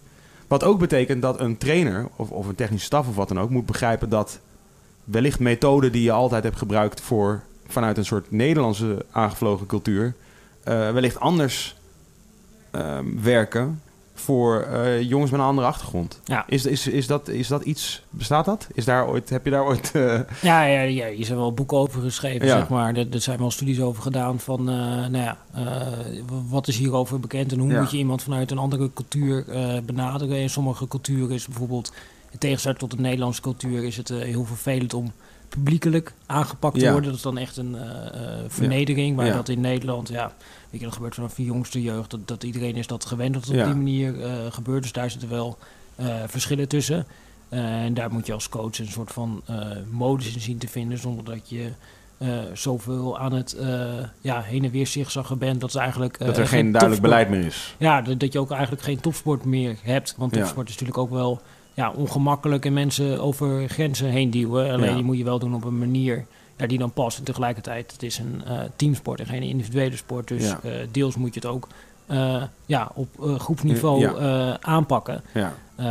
Nou, ik denk dat bijvoorbeeld, ik hoorde een mooie anekdote erover, over bij Liverpool, er is nu Mo Salah, Egyptische jongen, nou, die kwam er in de zomer binnen, die was binnengehaald eh, door de Duitse manager van Liverpool, en die had op dat moment had hij een Nederlandse assistent, Pepijn Leinders, Eh, en die dacht inderdaad van, ja, zo'n Egyptische jongen, die komt hier binnen, hebben we enorm veel geld voor betaald, Eh, die, die eh, manager die heeft er persoonlijk eh, doorheen gedrukt bij de directie, nou ja, ik ben benieuwd hoe die daarmee omgaat op de training. En vanaf de eerste training, ja, klopt, die manager die ging er gewoon keihard in bij hem. En die ging hem gewoon, iedere keer als hij niet mee verdedigde, dan, dan ging hij hem uitvoeteren over het hele veld. En die Nederlandse assistent zat te kijken van, ja, wat, wat, flikt hij nou, weet je wel? Ja. Dat kun je toch niet doen bij een speler die vanuit eh, die cultuur komt. Om hem meteen vanaf de eerste dag eh, keihard... De- eh, deze behandeling te geven. ja, deze behandeling te geven. Maar ja, die twee, die, die, die manager en die speler, dat, dat, ja, dat is echt ja, een, een setje nu, zeg maar. Die, die, die, die vinden elkaar fantastisch. En Ja. hij accepteerde dat vanaf de eerste dag dat hij op die manier ja, werd aangepakt tijdens trainingen. Omdat hij zelf dan ook wel blijkbaar begreep van, oké, hij die, die man heeft zich eh, heel erg hard voor mij gemaakt. Eh, en nu moet ik het ook laten zien op het veld. En eh, ik krijg geen voorkeursbehandeling Ja, hier. Ik ben gewoon een van allen. En ik moet eigenlijk het hardste werken van iedereen. En dat ja, heeft ook gewoon te maken met dat, dat je dan als trainer een bepaalde stijl hebt. In zijn geval, zeg maar, wil die heel agressief druk zetten met het hele team. Eh, en als je dat wil doen, ja, dan moet iedereen meedoen. Je kunt niet Ja. één schakel hebben die dat niet die doet. dat niet doet. Ja. En dus kun je niet, eh, helemaal als dat zeg maar de grootste tekortkoming is in het spel van de speler die je net hebt aangetrokken, kun je niet eh, vanaf de eerste training dat eigenlijk een beetje op zijn eh, beloop laten. Maar dan moet je daar juist hem daarin aanpakken. Alleen je moet wel die menselijke kant continu in de gaten houden van snapt hij dit en accepteert hij dit en eh, is onze relatie nog goed, want anders gaat hij ja, dat niet leren en niet oppikken. Maar je, ja, je moet daar een modus in vinden die werkt en die ook aansluit denk ik bij jouw stijl als trainer en als mens. Eh, ja, als jij op een bepaalde manier eh, gewend bent om dingen te doen, dan moet je misschien ook niet eh, het tegenovergestelde gaan doen, omdat het in theorie beter werkt bij iemand uit die cultuur. Maar moet je een modus vinden die ja, in de buurt zit, bij je eigen karakter, bij je Mhm. eigen stijl van dingen doen. En dan ja, een manier vinden om dat met diegene ja, tot een succes te kunnen maken. En jij zegt net van, jij bent, jij bent hè, op een gegeven moment geïnteresseerd geraakt vooral in, of niet vooral, maar oh, ja, de, de technische, het technische aspect van het spel, eh, buiten, eigenlijk buiten de spelers om. Ja, ook de spelers ook, maar ook de leiding en, de, en, Mhm. en dus de, de structuur binnen de club en, de, en hoe dat allemaal werkt. Ja. Ehm, eh, zou jij zeggen dat dat ehm, zwaarder weegt bij een ploeg dan individueel talent? Nou ja, uiteindelijk, eh, voetbal is een spelersport. Ja. Eh, eigenlijk meer dan iedere andere sport, omdat A, het, is, het is met je voeten in plaats van met je handen. Dus je hebt eigenlijk minder controle over de bal. De bal in het voetbal is ook altijd vrij. Mhm. En voetbal, dus je kunt iemand op eigenlijk alle mogelijke manieren bijna de bal afpakken. Je hebt bijna geen regels die het balbezit beschermen. Oh ja. En wat er nog bij komt. Is dat voetbal is geen eh aaneenschakeling van eh standaard situaties. Bijvoorbeeld eh ja, American voetbal. Ja. Ja, dat is gewoon Ja, een, playbook. stil. Ja. Ja, je hebt gewoon een playbook en dan zegt de coach, ja, jij loopt daarheen en jij loopt daarheen. Ja, in voetbal kun je niet doen, want ja, het gaat continu over en weer. De bal is rond. Ja, nou. En, en de bal die gaat heel snel van de ene naar de andere ploeg. En je hebt continu eigenlijk chaos op het veld. En dus heb je spelers nodig die ook zelf beslissingen kunnen nemen. En Ja. dat kun je niet als coach, kun je dat 100% eh voorkouwen. Dus uiteindelijk zijn het de spelers die dat moeten doen. Ja. Eh, alleen er gaat natuurlijk al een heel traject vooraf aan dat je uiteindelijk een speler op topniveau eh, hebt die Ja. begrijpt binnen een bepaald idee ja. eh, wat hij in een specifieke situatie eh nou ja, moet wat, inderdaad, want wat dat betreft kan ik me voorstellen dat jij enerzijds, zeg maar, dus wat ik zeg, cultiveer je talent. En, en ben je aan het zorgen dat, dat, dat, ja, weet ik veel. Dat je bent gewoon, je bent gewoon balletjes aan het over, overschieten en je bent, eh, je bent gewoon eh, eh, aan het trainen. Gewoon Mhm. je gebruikelijke fysieke training aan het doen. Anderzijds ben je een soort van topmanagers aan het creëren. Die dus inderdaad in elke crisissituatie de juiste oplossingen weten te vinden. Ja, ja. Nou ja, dat, dat klopt. Je moet uiteindelijk, dus een van de belangrijkste eigenschappen voor een speler is dat je het ja, spelinzicht hebt Ja. in een specifieke situatie. Want eigenlijk situaties in het voetbal zijn ook nooit eh, hetzelfde. Nee. Je komt eigenlijk nooit twee keer in exact dezelfde situatie. Nee. Dus je moet op de een of andere manier heel snel dat spel kunnen lezen, Ja. je opties kunnen eh, overwegen onbewust en dan de juiste keuze maken. En dan ja, de techniek hebben om die keuze Ja. uit te voeren. En dan daarachter zit dan ja, fitness slash fy- fysiek om die keuzes op een wedstrijd 90 minuten lang op een hoog niveau te kunnen eh, blijven Ja. uitvoeren. En daarboven zit ja, communicatie op die niveau, zeg maar tactiek. eh, waarbinnen dit hele eh, spectrum gebeurt. Want als jouw ploeggenoot ja, niet diep loopt op het moment dat jij eh, die bal krijgt, ja, dan kun je nog zo goed zien van ja, daar ligt ruimte, maar dan kun je die paas überhaupt niet geven, Hmm. want hij loopt niet. Dus je moet eerst ervoor zorgen dat ja, iedereen doet wat hij moet doen om uiteindelijk jouw speelstijl ja, op het veld te kunnen brengen. Is het, is het Nederlands voetbal nu op een all-time low Mm, qua niveau? Nou, niet een all-time low, want eh, eigenlijk tot de jaren 60 ja, was Nee, het oké. niks. Oké. Eh, jaren 80 hebben we in Vanaf begin- dat we voor het eerst op een eindtoernooi in de finale stonden dan? Ja, nou, ja, dat is eh, midden jaren 80. Toen hebben we eigenlijk ook een periode gehad dat we er zo lang eh, niet bij waren. Maar toen stond ons clubvoetbal er nog iets beter Dat voor. ik, dat wilde ik zeggen, want Eh, clubvoetbal is nu ook niet... Ja, dat is nu eigenlijk ook een drama. Ja. Dus ik denk eigenlijk wel dat je een soort van eh all-time low terecht gaat komen. Is dit de eerste keer dat je het concludeert? nou, nee, ja, als je die periode zeg maar voor de jaren 70 niet meetelt, dan ja, kom je tot die conclusie. Maar dat is natuurlijk wel ja, iets wat je ook al eerder hebt gezien. Jawel, maar ik kan me voorstellen dat het in jou... En, en misschien, misschien bekijk ik het te veel vanuit een bird's eye view... en ben ik alleen maar naar het kijken van hoe komt zoiets. Maar daar ben ik wel gefascineerd. Dus van hoe kan het zo zijn dat je in een land waar volgens mij nog steeds voetbal is de dominante sport... de dominante eh, sport om te beoefenen en te consumeren... Toch? Ik kan me niet voorstellen dat Ja. we met z'n allen kijken naar iets anders. Nee, nee, nee. eh, Of dat we iets anders doen. En ook relatief gezien is volgens mij Nederland het land of een van de landen waar dan eh, het grootste gedeelte van de eh, bevolking geregistreerd staat als voetballer. Toch? We hebben echt, kijk, er wordt altijd gezegd, ja, klein landje, toch presteren we zo ontzettend in het voetbal, zeg maar, toen we nog wel wat Mhm. presteerden. Maar als je gaat kijken naar landen met aantal geregistreerde voetballers, dan staan we gewoon een soort van eh, top 10, top 15. eh, omdat we gewoon ontzettend... wereld. Ja, in de wereld. Eh, dus eigenlijk... Ja, dus het aantal mensen die er wonen maakt niet uit. Het gaat meer om hoeveel mensen zich inschrijven bij een club. Ja, hoeveel Ja. voetballers je daadwerkelijk hebt. Want dat is de pool waar je uiteindelijk eh uit moet uit vissen. vist. En Ja, die is in. Nederland altijd extreem groot geweest. Oké, nou en dan hebben we dus volgens mij een, een, een, een rijke, in ieder geval in recente histo- historie, een rijke eh, geschiedenis aan successen.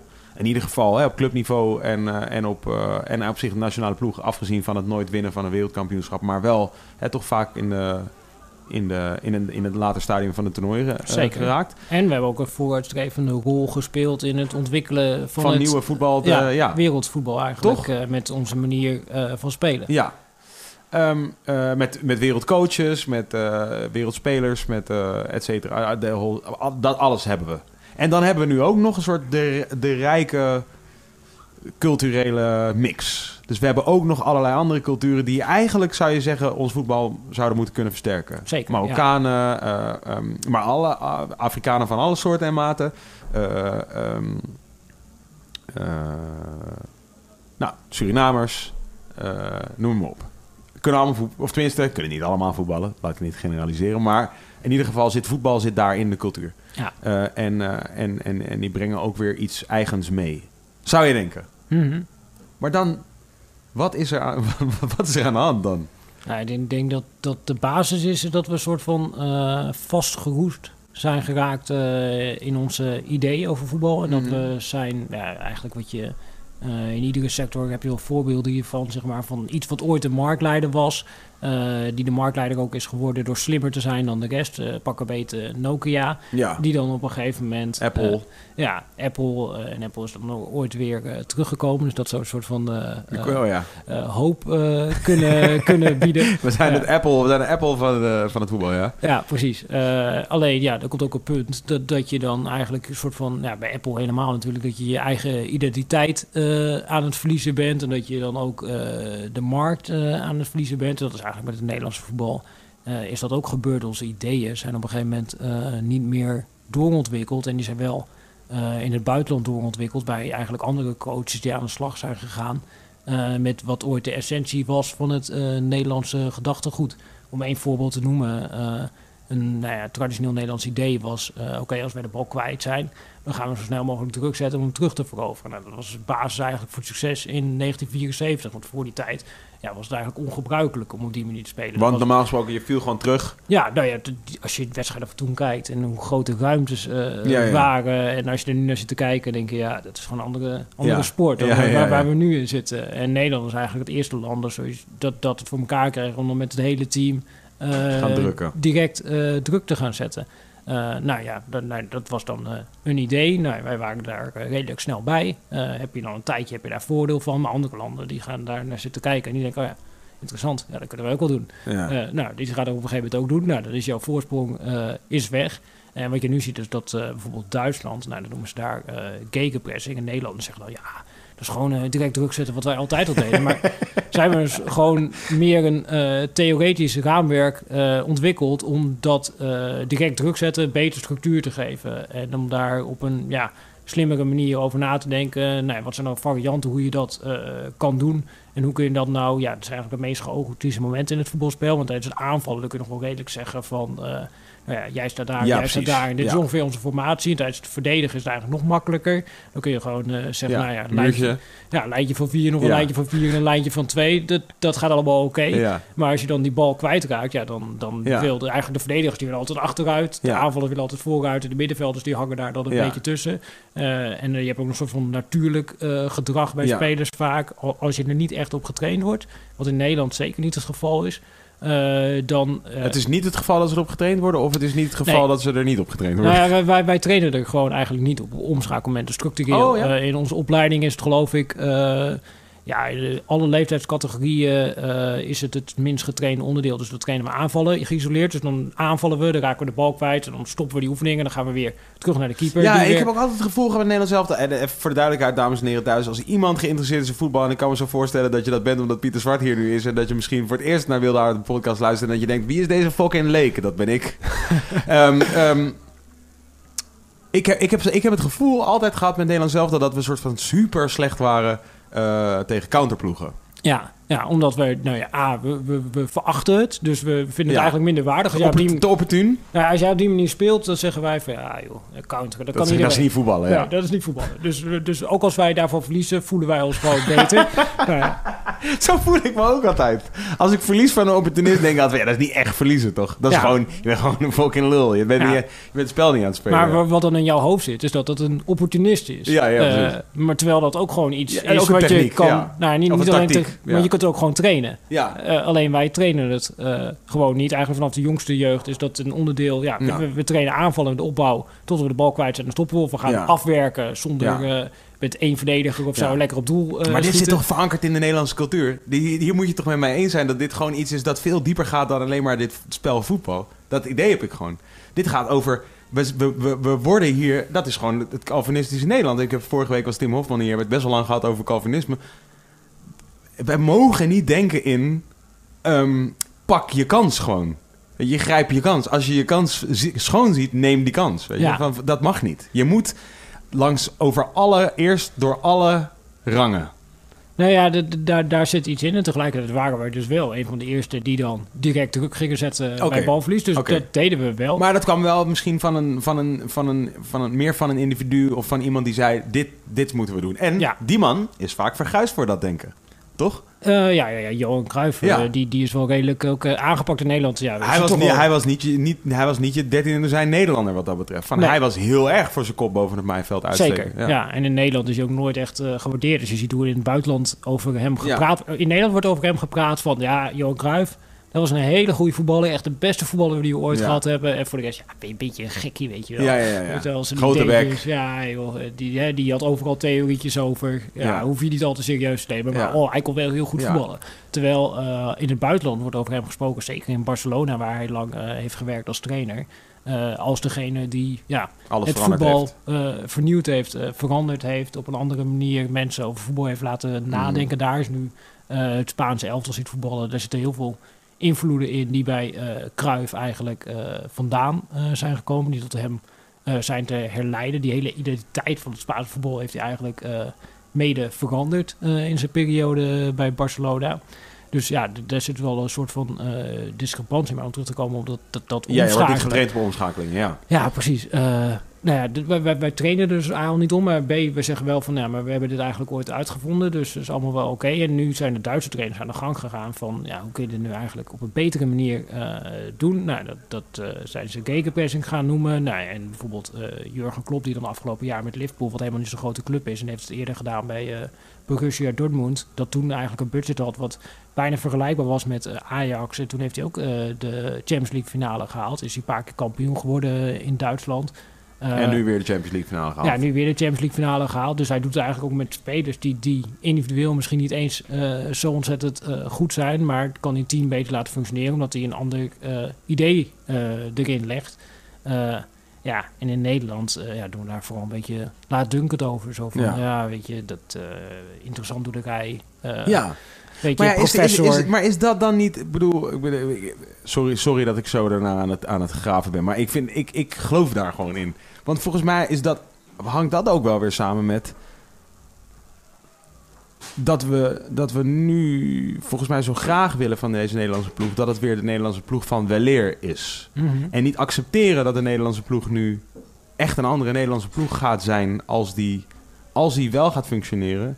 Dat het dan echt een ander, dat je het dan hebt over een ander soort ploeg Mhm. dan we hadden. Begrijp je wat ik bedoel? En zolang Ja. dat niet volledig geaccepteerd wordt, ehm, gaan we het ook niet kunnen doen of zo. Ja, nou, daar zit wel iets in. Eh, eh, ja, wat het ding natuurlijk vooral is, is dat eh, wij, wij, wij zien onszelf en we plaatsen onszelf nog steeds op dat voetstuk als zeg maar het innovatieve land, de vernieuwers die voorop lopen in ontwikkelingen. Nou ja, ondertussen feitelijk gezien loop je eh mijlenver achter alle Ja. ontwikkelingen aan. Je hebt eigenlijk alle boten gebist eh, die de afgelopen Mhm. tien jaar voorbij eh, zijn gevaren. Dus da- daar, daar zit al een soort van discrepantie. En als dan nu inderdaad iemand zegt van... Nou, misschien moeten we dingen toch iets anders gaan doen... dan stuit dat op ontzettend veel weerstand Ja. van het... ja, want het is natuurlijk ook wel een soort van... Ik heb het in mijn eh, boek, eh, heb ik het het ex-voetballerskartel eh, genoemd. Ja.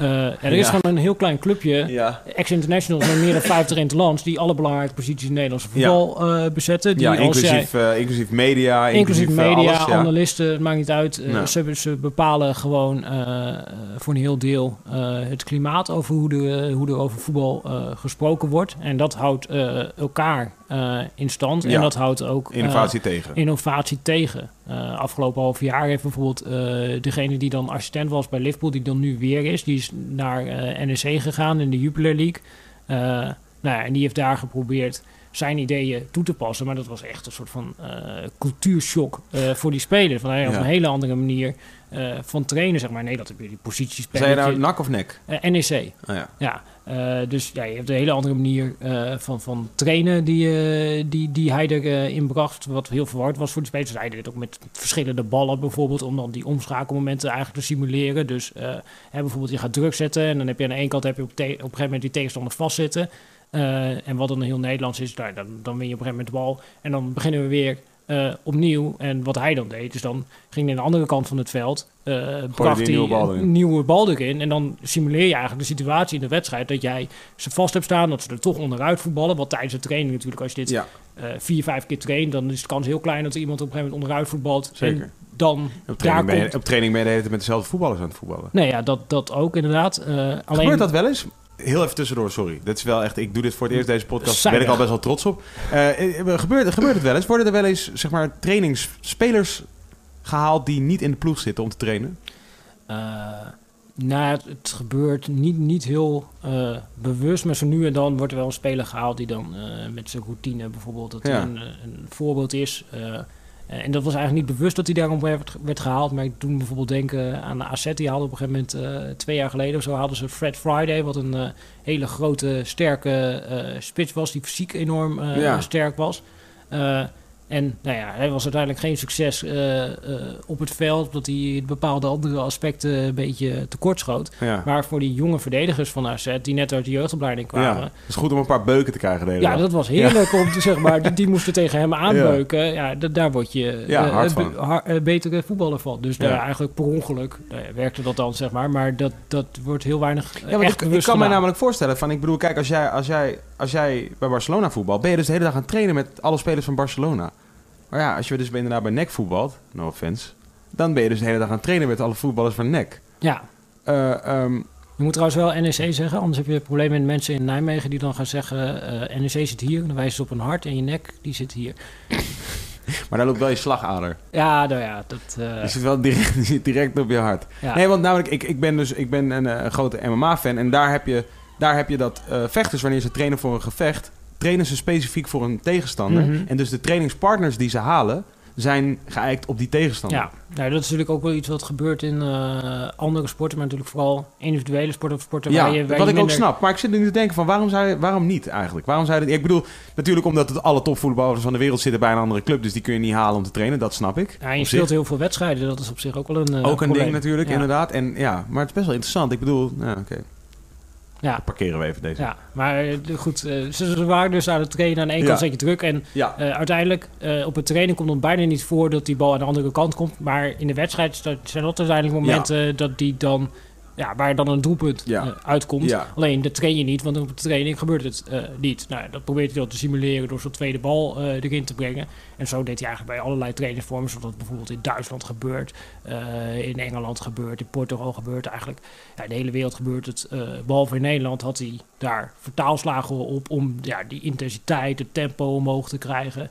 Alleen voor die spelers, die hadden echt zoiets van, ja, we zijn weer in balans, weet je Ja. wel. Dit, dit is toch niet trainen? Eh, hè, dat was gewoon eh, anders. En ook de manier van spelen, die maakte ja, en hij veranderde het ook wel eh, redelijk snel. En dan met Ja. spelers van een relatief laag niveau. Dus dat ging in die eerste weken ging dat ook eigenlijk eh, helemaal mis. Want hij was helemaal voorbereid op die eerste wedstrijd, zeg maar, die hij ging spelen. Nou, die wonnen ze met eh 5-1. Dat was indrukwekkend pressing voetbal. En iedereen dacht, zo, wat hebben we nu binnengehaald? We hebben een soort van Liverpool in Nederland. Mm. En drie dagen later speelden ze weer een wedstrijd. Maar ze hadden in die wedstrijd hadden ze dubbel zoveel gesprint als in een normale wedstrijd in de eerste seizoen zelfs. Dus al die spelers die waren totaal los. Ja. ja, dus die, die wedstrijd verloren ze. Ja, zo ging dat eigenlijk in die beginperiode. Ja, verloren ze ontzettend eh, eh, veel. Eh, en dan ja, merk je dat die spelersgroep dat die een soort van ja, in opstand komt van ja, moeten we niet op een andere manier gaan doen, moeten we niet op een andere manier gaan spelen. En uiteindelijk, ja, hij heeft promotie misgelopen en hij is weer teruggegaan naar Liverpool. Maar hij is in Nederland is hij wel echt verketterd. En dan niet alleen zeg maar eh, dat hij verketterd is, want uiteindelijk ja, hij heeft het ook slecht gedaan. Hij heeft slechte resultaten gehaald. Ja. Hij had misschien, eh, wat ik denk, is dat hij het trager had moeten inpassen. Ja. Dat hij dat, hij dat eh, onderschat heeft, hoe groot dat verschil was met dat, het, dat je spelers van Liverpool Ja. traint. En ja, hoe achter het Nederlands voetbal eigenlijk ligt. Dat dat niet alleen zijn manier van spelen nieuw is, maar ook de manier van trainen nieuw is. Dat eigenlijk alles anders is. Hij nam bijvoorbeeld ook naar, naar wedstrijden. Hij was gewend bij Liverpool in de rust. Eh, dan geef ik aan de videoanalist, geef ik een paar fragmentjes aan en die laat dan in de rust zien van dit en dit en dit. Eh, zouden we anders kunnen doen eh, op deze, deze, deze manier. Dat gebeurt nu in het huidige voetbal. Dat gebeurt in de huidige voetbal. Ja, op dat, niveau. op dat of niveau. Op, of, op elk, of op elk niveau. Als niet- in, ook, ook in de Nederlandse Eredivisieclubs. Eh, s- ik weet niet hoeveel Eredivisieclubs eh dit doen, maar in ieder geval NEC, hij, hij nam aan van NEC doet dit ook. Dus Ja. hij, hij suggereerde van eh, wie moet ik dat dan aangeven en eh, dan kunnen we in de rust toch die fragmenten laten zien en ze zetten hem echt zo aan te kijken. wat, wat is deze dude? Wij roken gewoon peuken hier in de rust. Ik weet niet wie jij bent. Ja, dus hij uiteindelijk voor elkaar gekregen dat, dat hij dan zelf een soort van scherm mee, waarop ze dan een dia-projector konden projecteren. Mhm. En dan kreeg je het voor elkaar dat dan die videoanalist, dat die in de rust via, via, via een teammanager, dat die dan die fragmenten kreeg, dat hij die uit kon knippen, dat hij dat kon laten zien. Ja, Mhm. dat, dat, dat gebeurde allemaal eh, niet eh, daarvoor bij die club. Ja, dat heeft hij gewoon een beetje onderschat en een beetje Ja. eh, te snel gedaan. Maar hij kreeg uiteindelijk kreeg hij ja, werkelijk iedereen over zich heen. En niet alleen zeg maar, op hoe hij daar gepresteerd had, wat, wat nog ver was geweest, maar ook op zijn ideeën. Terwijl op dat moment zeg maar, met exact dezelfde ideeën had Liverpool de Champions League finale. Dus ja, Mhm. zijn dan, dan die ideeën die niet werken of in deze specifieke context, eh, ja, zijn misschien dingen net iets te snel gegaan of heeft hij dingen Ja, ja, niet goed gedaan, maar ligt dat niet eh, zozeer aan die ideeën zelf. Maar in Nederland ja, hebben we dan die hele ideeën hebben we maar afgeschaft en hij had ook niet op een hoog niveau zelf gevoetbald. Dus Ja. nou, die trainers die dat ook niet hebben, die moeten we dan ook maar in Ja, Nederland ja. buiten de deur houden. Ik blijf het zeggen. Volgens mij is dit, volgens mij is dit een heel Nederlands pro- Dat is een heel Hollands probleem in mijn optiek. Dus van het, het, het, het- de, de, de tijd die ervoor nodig is om nieuwe dingen te omarmen... is gewoon vrij lang altijd. Ja. Terwijl, terwijl er volgens mij een hele tijd gedacht werd van... Hè, we zijn die, die, die ruimdenkende, tolerante eh, eh, cultuur... die, eh, weet je, die eh, open staat voor nieuwe ideeën en, eh, en, eh, en invloeden. En wat dat betreft, volgens mij loopt dat helemaal synchroon gewoon dat de, de- Nederland is volgens mij dicht. De, die hele ontwikkeling is bij Nederland net zozeer vast. Volgens mij loopt dat helemaal synchroon met het voetbal. Het voetbal en, en de ontwikkeling van Nederland is tegelijkertijd soort van traag geworden. Ja, ik, ik heb ook wel een reactie gehad van een eh, politiek hoogleraar die, die ook eh, het boek had gelezen. En die zei van ja, politiek is dit precies Ja. hetzelfde. Omdat gewoon de onderliggende problematiek, dat, dat, dat, dat daar gewoon heel veel overeenkomsten in zitten. Dat, dat het gaat over eh, zeg maar het spel in plaats van om de knikkers. Dat Ja. het gaat over eh, eh, wie wat zegt in plaats van over wat er gezegd wordt. Eh, dat er op basis van anekdotisch bewijs allemaal draconische maatregelen Ja. worden genomen. Dat de dingen die daadwerkelijk fout gaan, dat die niet worden onderkend. Dat daar geen beleid op wordt gemaakt. En dat je zo gewoon in een Ja. neerwaartse spiraal terechtkomt Ja. met z'n allen. Wat volgens mij dus, in, nogmaals, volgens mij te zien valt aan in heel veel delen van deze maatschappij. Waarvan ik denk van ja, oké, volgens mij zijn alle, de resources zijn er. Van, volgens mij zijn er zijn de mensen zijn er, de talenten zijn er, de, eh, ehm, eh, de ruimte is er.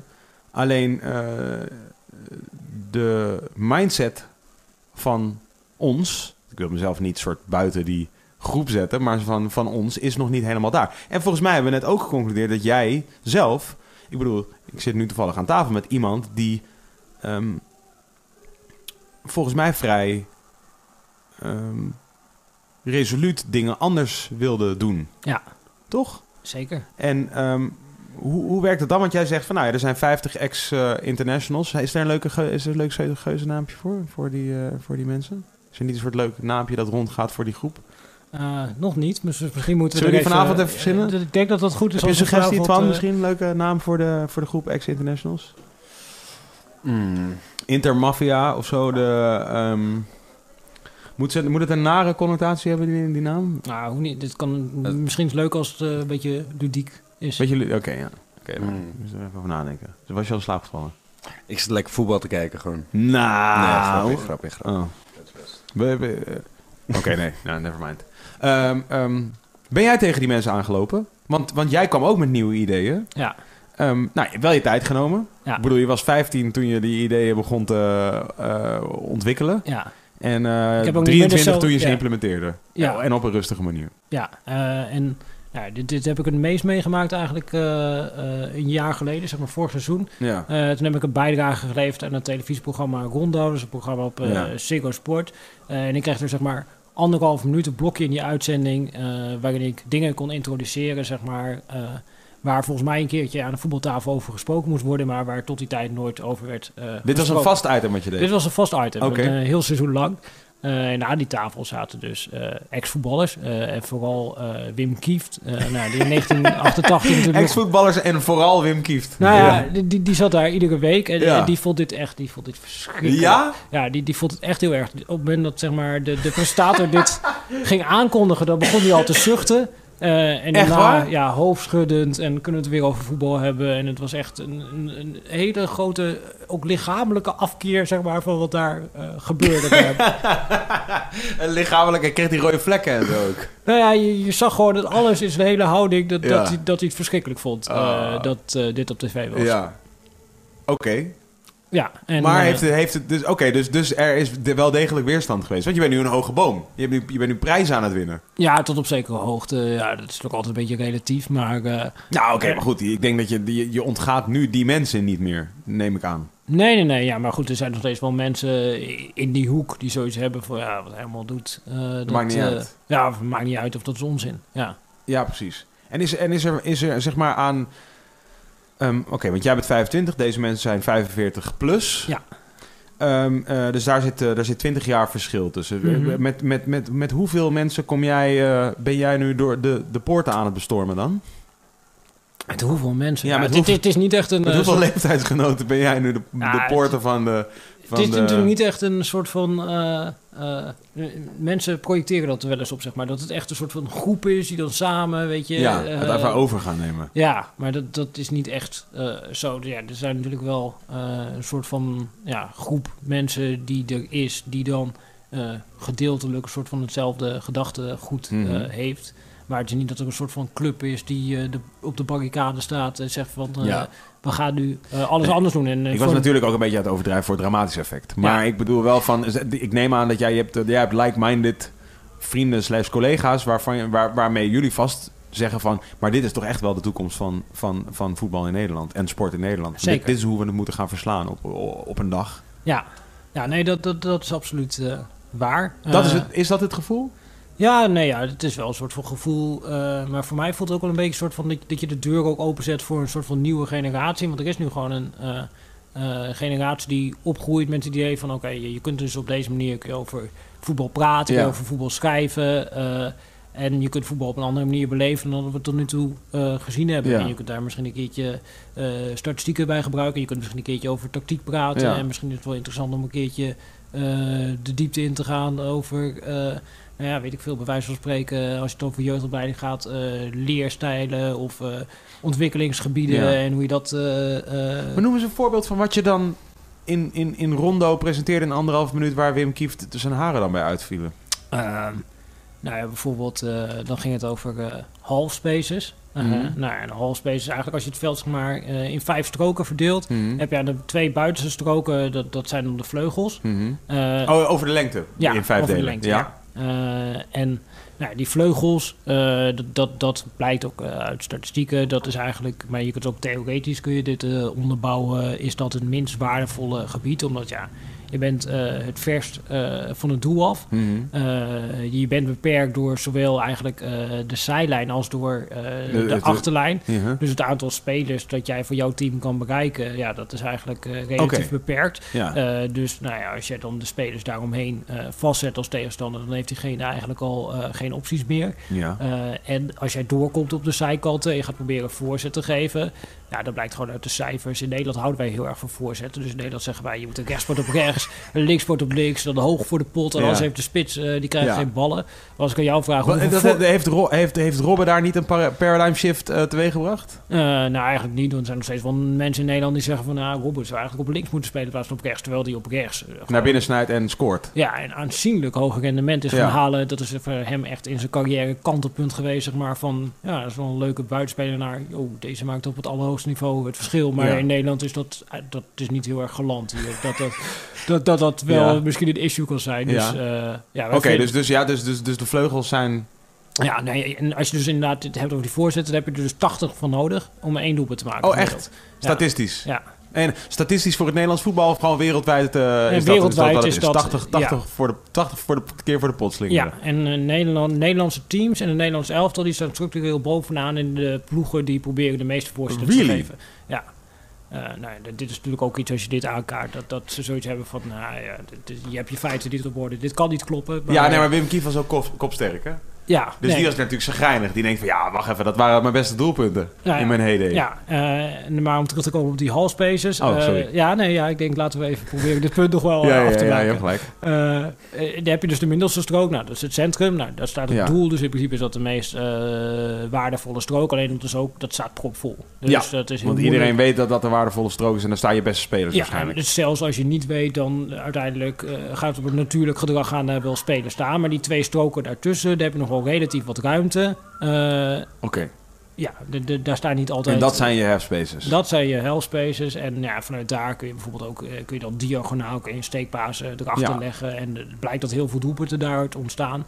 En wat, wat veel trainers op dit moment doen, internationale toptrainers, dus dat ze ook hun spelers aan de hand zeg maar, van deze veldindeling instructies meegeven. Dus bijvoorbeeld eh, Pep Guardiola, de trainer van Manchester City, die zegt: Ik wil maar één speler in die buitenste strook hebben. Altijd. Maximaal eh, één.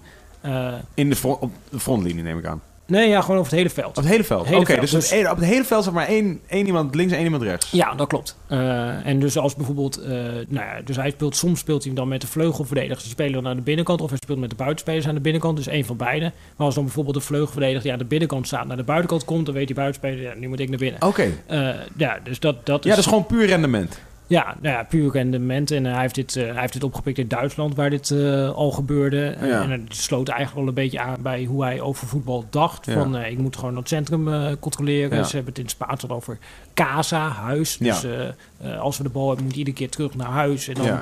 Want daar is waar wij het spel vormgeven. Dus dit sloot daar heel erg goed bij aan. En dit maakt het voor hem makkelijk. Hij heeft letterlijk ook die strook heeft hij op het trainingsveld liggen. Zodat hij makkelijker kan Oh, duidelijk vet. maken aan zijn spelers. Van, Ja.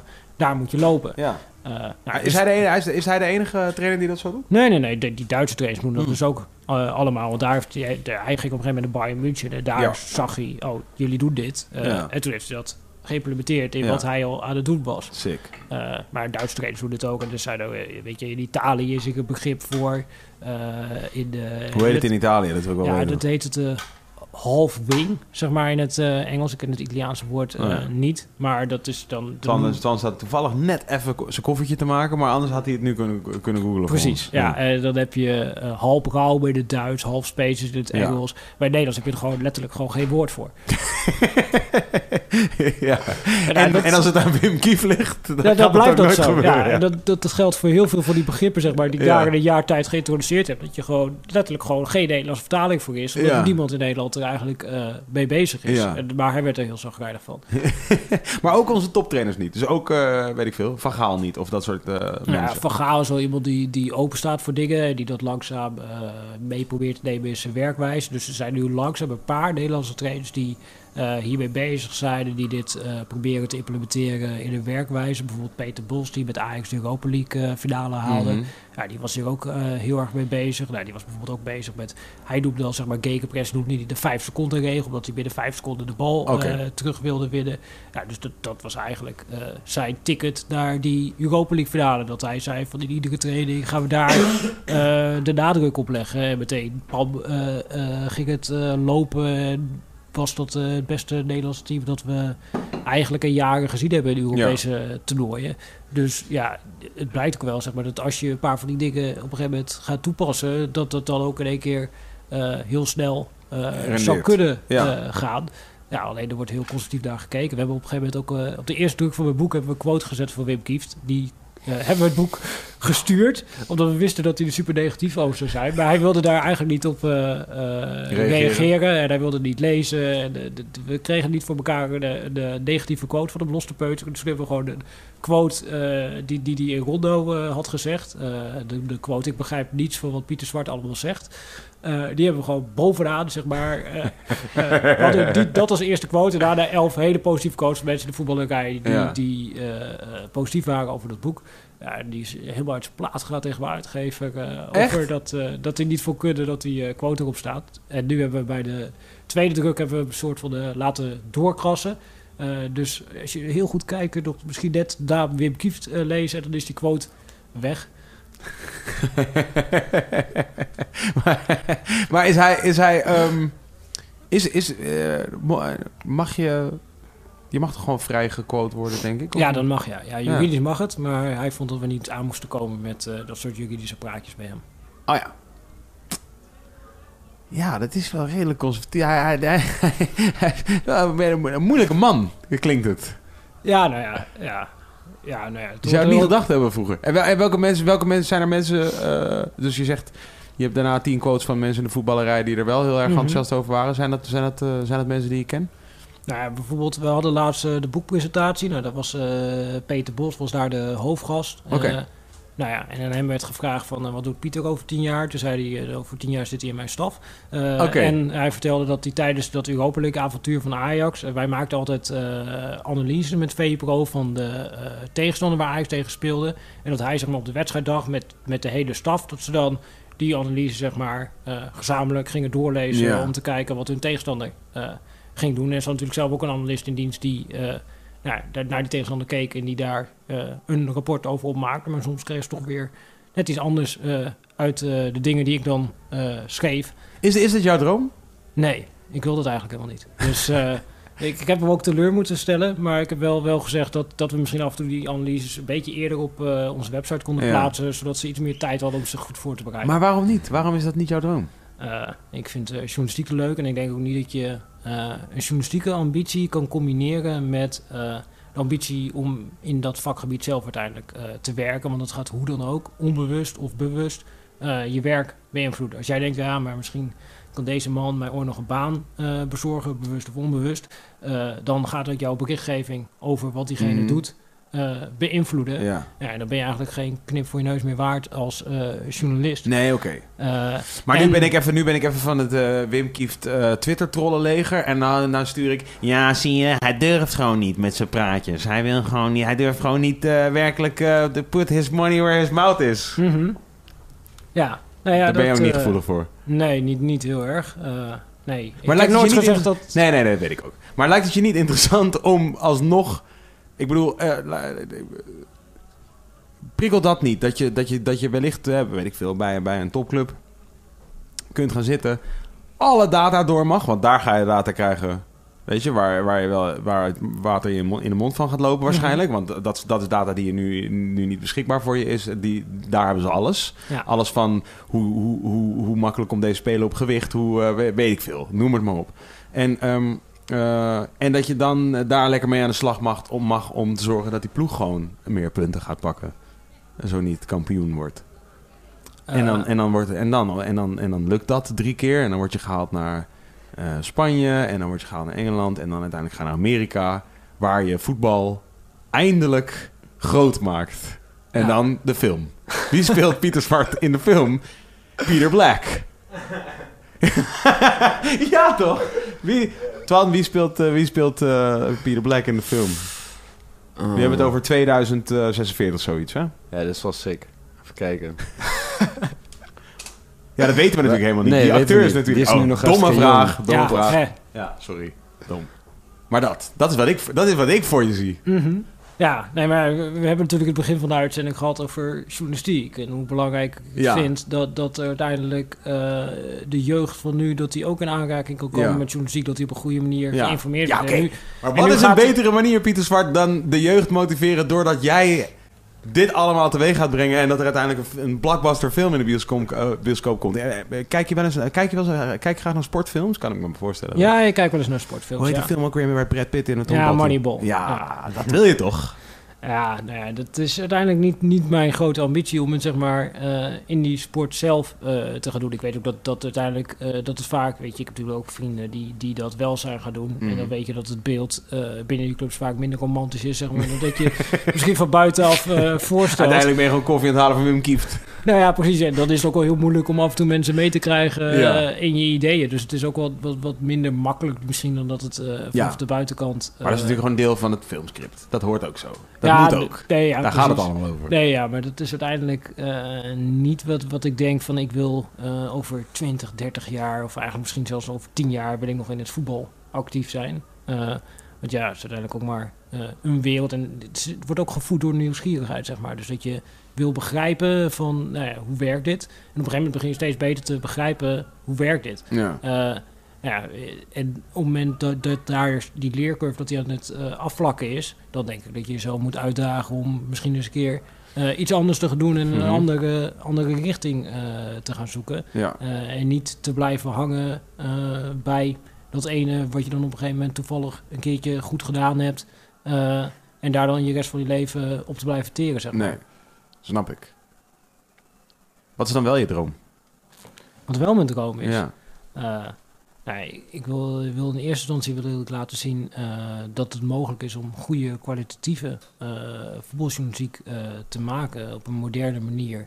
En daarmee weer een jong publiek te binden aan een kwaliteitsmedium. Nou, dat is wat ik nu een beetje aan het Doen doen, ben.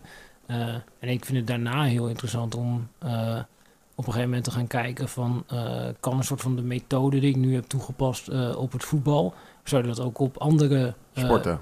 sporten, maar misschien nog andere eerder andere sec- sectoren, zeg Mhm. maar, ook kunnen doen om dan daar een inhoudelijk verhaal te vertellen over wat gebeurt hier nu eigenlijk. Want het is natuurlijk best wel vaak dat je ergens naar zit te kijken en dat je denkt van ja, eh, hoe werkt het nu eigenlijk? En dat het niet heel erg bevredigend is, zeg maar, hoe je dan eh, voorgelicht wordt. Als ik nou Noem eens, bijvoorbeeld- noem eens een voorbeeld. nou, als, ik naar, als er weer een verkiezing aankomt en er Oh ja. debatten zijn en Goeie. dan eh, zegt iemand van eh 50 plus dat, dat, dat het heel makkelijk te financieren is om tot in lengte vandaag eh, de pensioengerechtigde leeftijd eh, op 65 te houden. En dan zegt iemand tegenover hem, nee, eh, dat moeten we absoluut terugbrengen. En dan wel eens niet, dus wel eens niet, dus wel eens niet dus. En wat is de waarheid? Nou, dan komt de analyse en dat is hetzelfde als in voetbal. Dus dan gaat het helemaal niet over, nou, wat is uiteindelijk eh, Nee, het gaat meer waarheid, over hey, maar wie, dan- wie deed het best. Wie, Ja. wie, kwam het, wie, Ah. wie deed het debat het Henk. Krol, die komt toch wel goed Ja, uit zijn woorden. ja, en die anders zat een beetje Ja, te maar stotteren. we willen eigenlijk gewoon weten, maar wat is de waarheid? Wie had de waarheid aan zijn kant? Precies, en, dat lees ik, zie ik nu eigenlijk... Te weinig, ja. Weinig, of nergens. En ik denk dat daar nog wel een eh, gat zit... als je dat op een goede manier zou kunnen doen eh, om in te springen. Vet.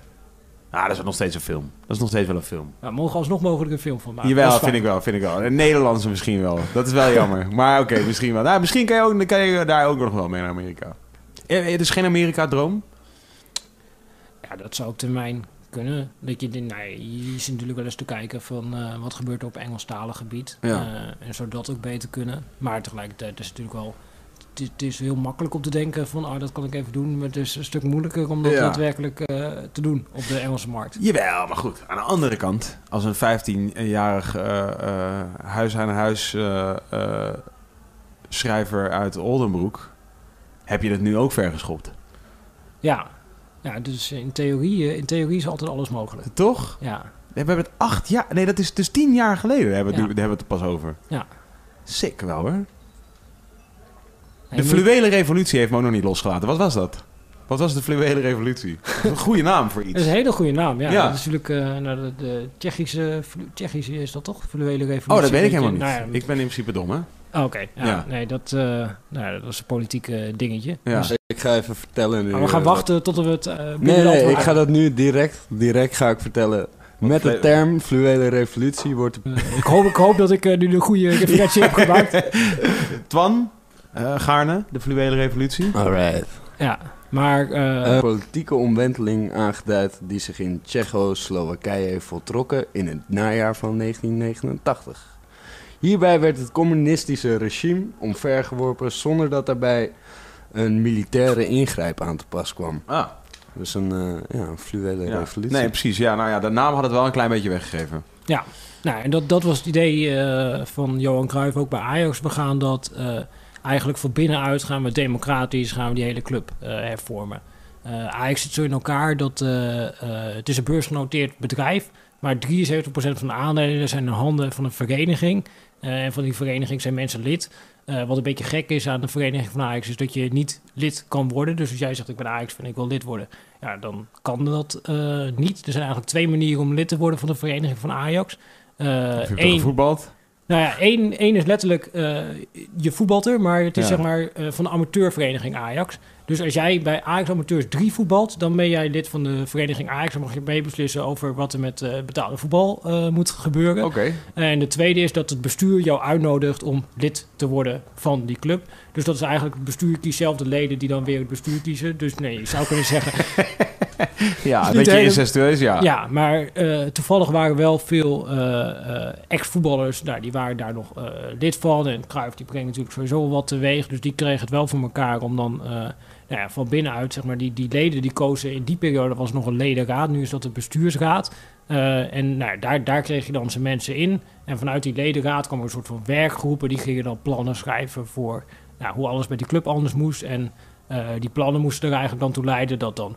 eh, want eh, uiteindelijk via die ledenraad, die, die had weer de stem op de aandeelhoudersvergadering. En op de aandeelhoudersvergadering benoem je de raad van commissarissen. En de raad van commissarissen benoemt weer de directie. De directie benoemt de rest van het personeel. Dus eigenlijk vanaf die ledenraad kun je via die aandeelhoudersvergadering op een gegeven moment die hele club overnemen. En dat Mhm. was eigenlijk het idee dat ze zo stapje voor stapje... Dit was Johan Cruijff zijn idee. Nou ja, dit- waarschijnlijk was het niet zijn idee om het op deze manier te doen. Maar waarschijnlijk kwam er iemand tegen die dat... die zei, eh, hey, dit is een goed idee. ja, eh, en dat, dat, nou ja, eh het geweldloos verzet, dat, dat sloot natuurlijk ook wel aan bij Cruijff. Die, dat, die vond het natuurlijk wel tof, om dat op die manier te framen Ja. van de fluwele revolutie. Eh, nou ja, en de- daar, daar waren dus allerlei ideeën bij gepaard over nou ja, wat, er, wat er beter moest bij Ajax. Nou, een van de dingen was bijvoorbeeld waar hij op focuste was individueel opleiden. Dus voetbal is een teamsport, eh, alleen eh, teams debuteren niet. Eh, dus als jij in de jeugd heel erg focust op team en teamresultaat, nou, dan krijg je bepaalde spelers. Nou, het is bijvoorbeeld zo, in het voetbal heb je het geboortemaandeffect. Eh en nou ja, het is letterlijk zo dat, dat scouts die denken dat ze de meest getalenteerde spelers kiezen, maar scouts die kiezen de spelers die op dat moment fysiek eh, het verste zijn, en dus de bal in de kruising kunnen schoppen. Ah. En het andere jochie dat misschien veel getalenteerder is. Maar Ja. ze zien niet wat, eigenlijk, eh, wat je eigenlijk zou moeten zien wat talent is. Precies, en het gevolg daarvan eh, is dat in jeugdopleidingen van Nederlandse clubs dat ongeveer, nou ja, eh 50% van de spelers of 60% van de spelers komt de eerste drie maanden van het jaar. Eh, nou, dan ongeveer 80% die komt uit de eerste zes maanden eh, Ja. van het jaar. Ja. En als je uit december komt, eh, nou, dan kun je het ongeveer vergeten. Ja, tenzij je misschien een vroegrijper bent. Dus dat jij fysiek verder bent dan je leeftijdsgenoten. Maar anders kom je überhaupt die opleiding niet in. Eh, nou ja, en een gevolg daarvan dat jij op gaat selecteren op fysiek... is dat jij in de jeugd heel veel wedstrijden wint. Ja. Totdat je op een gegeven moment bij het eerste elftal komt. Dan valt dat fysieke voordeel valt langzaam weg. Wel sick. Ik zou hier meteen weer een parallel willen trekken met zeg maar, wat er gebeurt bijvoorbeeld in eh, reguliere opleidingen. ja, zeker. Toch? Ja, Van, als je nog niet aan het pieken bent, dan weet je helemaal niet of jouw talent al wel rijp is. Nou ja, dat is eh, Ja. zeker waar. Ook, ook de hele filosofie van individueel en op maat opleiden. Ja, dat, dat zit er natuurlijk ook veel te weinig in bij, bij Ja. schoolopleidingen. Eh, zeker met de mogelijkheden die eh, technologie eh Biedt, om dat beter te doen. Ja, wordt daar op heel veel plekken wordt daar wel heel erg weinig uitgehaald. Het is natuurlijk wel heel erg ouderwets om ja, eigenlijk honderd mensen in een klaslokaal naar, de, Ja. naar dezelfde Shit, instructie te Ja. laten luisteren. Ja. Waar misschien eh, tien mensen zitten die het helemaal begrijpen, tien mensen die er helemaal niks van begrijpen en alles wat er tussenin zit, zeg Ja. maar. Eh, Verschrikkelijk. ja, nou dus- Zelfs daar zou je kunnen zeggen dat dat wat jij nu aan het doen bent, dus eigenlijk ook van toepassing is. Eh, ja, de, de, de- de- veel van mijn familie die zit in het onderwijs, zeg maar. En ik was toen zeg maar bezig met deze shit.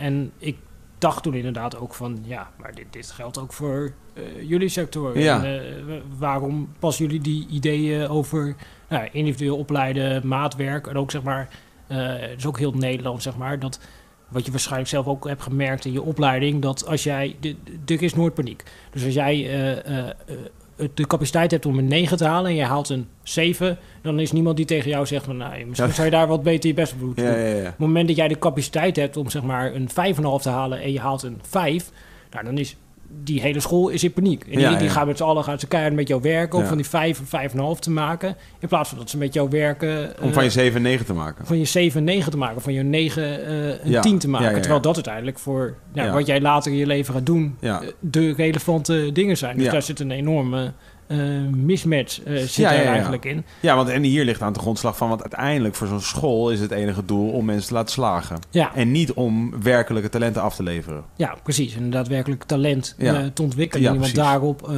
te stimuleren. Ja. Nou, dus da- daar hadden we toen al een gesprek over. En nu zie je langzamerhand, zeg maar, dat gebeurt dan altijd in topsport. En dan Ja. de gewone maatschappij, dat loopt er echt vijf à tien jaar achteraan. Ja. En dan zie je nu langzaamaan eh dat ze op hun scholen met dit soort dingen eh, initiatieven bezig eh, zijn. En dat je die filosofie een beetje ziet terugkomen. ja. En dat je denkt, van, Live ja, imitating art. ja, dat je denkt, nou, dat had ook al eerder gekund. Ja, vet is dat, hè? Ja, Ja, ik vind het, ik, ik vind het ja, dat is fa- fascinerend. Je moet, wil je, Twan, wil je ook even live imitating art, die filosofie eventjes erbij halen? Want ik- want, eh, volgens mij heb ik het laatst ook al een keer gezegd, daar hebben we het ook niet over gehad. Maar van, ik heb het laatst voor het eerste keer opgezocht. Die filosofie en toen pas kreeg ik voor het eerst eigenlijk mee wat het nou eigenlijk echt betekent. Maar dat is dit namelijk, volgens mij. Kan je Eh, even nog één keer voordat je live hebt dating art? Live imitating Oh, art. imitating. Ja. Dat is een theorie van iemand. Over, eh, over dat eh, ehm, kunst eigenlijk vooruitgaat op het leven. Het is niet andersom. Wat wij Mhm. vaak denken. ja. Volgens mij is dat de filosofie. En dus met sport zou je ook, dus wat jij nu eigenlijk zegt. Want in Mhm. topsport worden eerst. De modellen worden, worden, worden gevonden daar. Ja. En, en eigenlijk het, in het reguliere leven volgt. Ja, nou, dus met wetenschap natuurlijk ook, daar lopen altijd Ja, achter eh, topsport aan. Omdat ja. Nou ja, weet je, eh, voordat je iets wetenschappelijk hebt bewezen, dat kost gewoon tijd. En die Ja. tijd die er eigenlijk zit, voordat het echt bewezen is, dat is eigenlijk een tijd dat jij een soort van edge hebt. Dat je voorsprong maar hebt dit, op dit, is volgens mij, en, dit is dus, en, en, nou, volgens, eh, dat is heel vet. Volgens mij zijn we hele belangrijke dingen hier nu aan het bedenken. Weet ik niet. Misschien is het ook wel gewoon dat ik gebloot heb. Dat is niet waar. Ehm, ehm, eh, prestatie, weet je? Prestatie is volgens mij een hele, is, is de motivator eh, om nieuwe dingen te ontdekken. Ja, Weet je, wanneer je wil presteren, ga je nieuwe dingen ontdekken. en dat je ook wordt afgerekend op eh, prestaties. Eh, Ja, nou ja. en wij leven, en we leven toevallig in een land waarin prestatie een beetje een... Mm. ja, het, dat- heeft ergens een vies smaak. Ja. Ja. ja. Je mag niet te veel dat willen. Nee. Je mag niet te veel willen presteren. Je mag er niet over praten. Nee, en als je presteert, moet je eigenlijk zeggen, nou ja, joh. eh, Ja, zat ook mee. Ja, Ja, weet je wel? En dat is ook prima als je zegt het zat mee. Maar dan, oké, wat zat dan mee? Want je mag dan ook weer niet zeggen van... Ja, weet je, het is... Kijk, ik heb een hele goede functie, maar ik ben ook gewoon knap. Weet je, zo van... En, dat kan je niet zeggen. Van, Nee. nou, dat kan je niet over jezelf zeggen. Dus van, ja, dat kan je wel over jezelf zeggen. Want, want misschien is het inderdaad zo dat iemand de fysieke eh, attributen heeft... is zelfs een eh, psychologische term voor het halo-effect. Zeg Toch? maar, dat, dat, dat je op een gegeven moment een positieve eigenschap toekent aan een persoon. En dat je dan, ja, als je een knap iemand ziet, dan ga je ervan uit, die zal ook wel aardig zijn. Die gaat allerlei andere positieve eigenschappen goed in zijn werk, Ja, bla bla bla. bla. ja. Dan, en, en, en daarvan denk ik van ja, dat moet er wel zijn. En dat, dat- volgens mij is het heel logisch dat je in topsport, daar heb je het prestatie. Prestatie is het nummer één ding. Alles gaat over prestatie. Dus volgens mij is het dan ook zo dat, omdat die druk daar zo erg op ligt, moet iedereen wel. Ja, en, en wordt er misschien zelfs de spelenderwijs gewoon veel eerder ontdekt. Wat er niet kan ontdekt worden door het te analyseren of door hè, de data te Mhm. analyseren. Ja, en dat is nog veel meer bij individuele sporten dan in een teamsport als voetbal, waar je natuurlijk ook nog kan verbergen. Achter, ja, en waar, waar je het proces dat daar ook lang niet altijd gelijk aan resultaat, omdat voetbal Ja. ook een laag scorende Ja. sport is. Dus je hebt weinig doelpunten en daardoor is de, de, de ja, rol van toeval, willekeur. Ja. Eh, Dit is altijd wat ik zeg over, over vechtsport. Waar, waarom ik als, ik, als ik probeer uit te leggen van wat daar tof aan is, dat ik zeg van ja, kijk, de soort van echt, het is zo een zo weinig, eh, het is een zo weinig verhullende sport. Weet je van ja, het is echt zo simpel als ja, als jij die st- stomp op je, op je mond krijgt, is het gewoon over. Ja. Je kan niet verstoppen achter Messi. Of achter een of andere andere speler die toevallig... erg- Dat, dat bestaat niet. Ja. En dat is in, natuurlijk in het tennis is dat ook wel zo. Maar in de tennis speel je wel, kan je drie sets spelen of vijf. Weet je? Dus daar kan je nog wel een slechte set of twee slechte sets... kun je nog wel verbergen. eh, of die kan alsnog winnen. Ja, en je Maar krijgt natuurlijk ook letterlijk een klap in je gezicht, weet je wel. Dit Ja, is ook letterlijk, letterlijk. gewoon een soort van fysieke ervaring Van- van... Ja, Als je, daar niet, als je daar niet bent voorbereid to the T, als je daar niet bent voorbereid zoals je voorbereid had moeten zijn, ja. dan heeft, zijn de, de consequenties zijn insane. ja, het is de ultieme stok achter Ja, de deur ja, ja, om ervoor te zorgen dat jij ja, tot, tot Ja, het gaat- laatste gaat- detail eh, voorbereid bent. Ja. Snap je? Daarom, vind- daarom vind ik het heel fascinerend. En heb je live in meteen hard? Ja, je had, eh, je had helemaal gelijk. Het, eh, in Nederlands is het zo dat ehm, kunstvorm, eh, kunst vormt wat wij zien in, ehm, Het dagelijks leven. in dagelijks leven. Ja. Dus in het leven en in de natuur. Ja. Ja. Dus ja, wat een kunstenaar zegt wat het is, dat is ook wat wij erachter zoeken. ja. Dat is toch vet? Ja, Omdat zeker. namelijk volgens mij nu wij in, in de huidige maatschappij de hele tijd zeggen van... is het niet zo dat muziek, eh, ehm, ehm, eh, muziek ertoe leidt dat, wij, eh, eh, dat dit en dit gebeurt? Weet je wel, geweld of, of, of eh, ehm, eh, op, een beetje op, objectivi- objectivisering van Mhm. vrouwen of bla bla bla. Terwijl het volgens mij veel meer zo is dat... nou, nu, en nu, nu en, en dit, is, dit is dus waar het tricky wordt. Want eh, volgens deze theorie is het inderdaad zo dat het leven volgt na de kunst. Mhm. Ehm, maar de kunst is eigenlijk het leven. Dat is eigenlijk wat ik probeer te zeggen. Dus van oké, ja, nee, de kunst is gewoon de manifestering van het leven zoals het is. Snap je wat ik bedoel te zeggen? ja, en en met sport is- zou je dat ook kunnen zeggen. Ja, en het is natuurlijk ook de plek waar dan nieuwe ideeën getest worden. En, En daar vind je ze dus. Dus als objectivisering een, een onderwerp is, dan ga je dat als eerst zien in kunst. ja.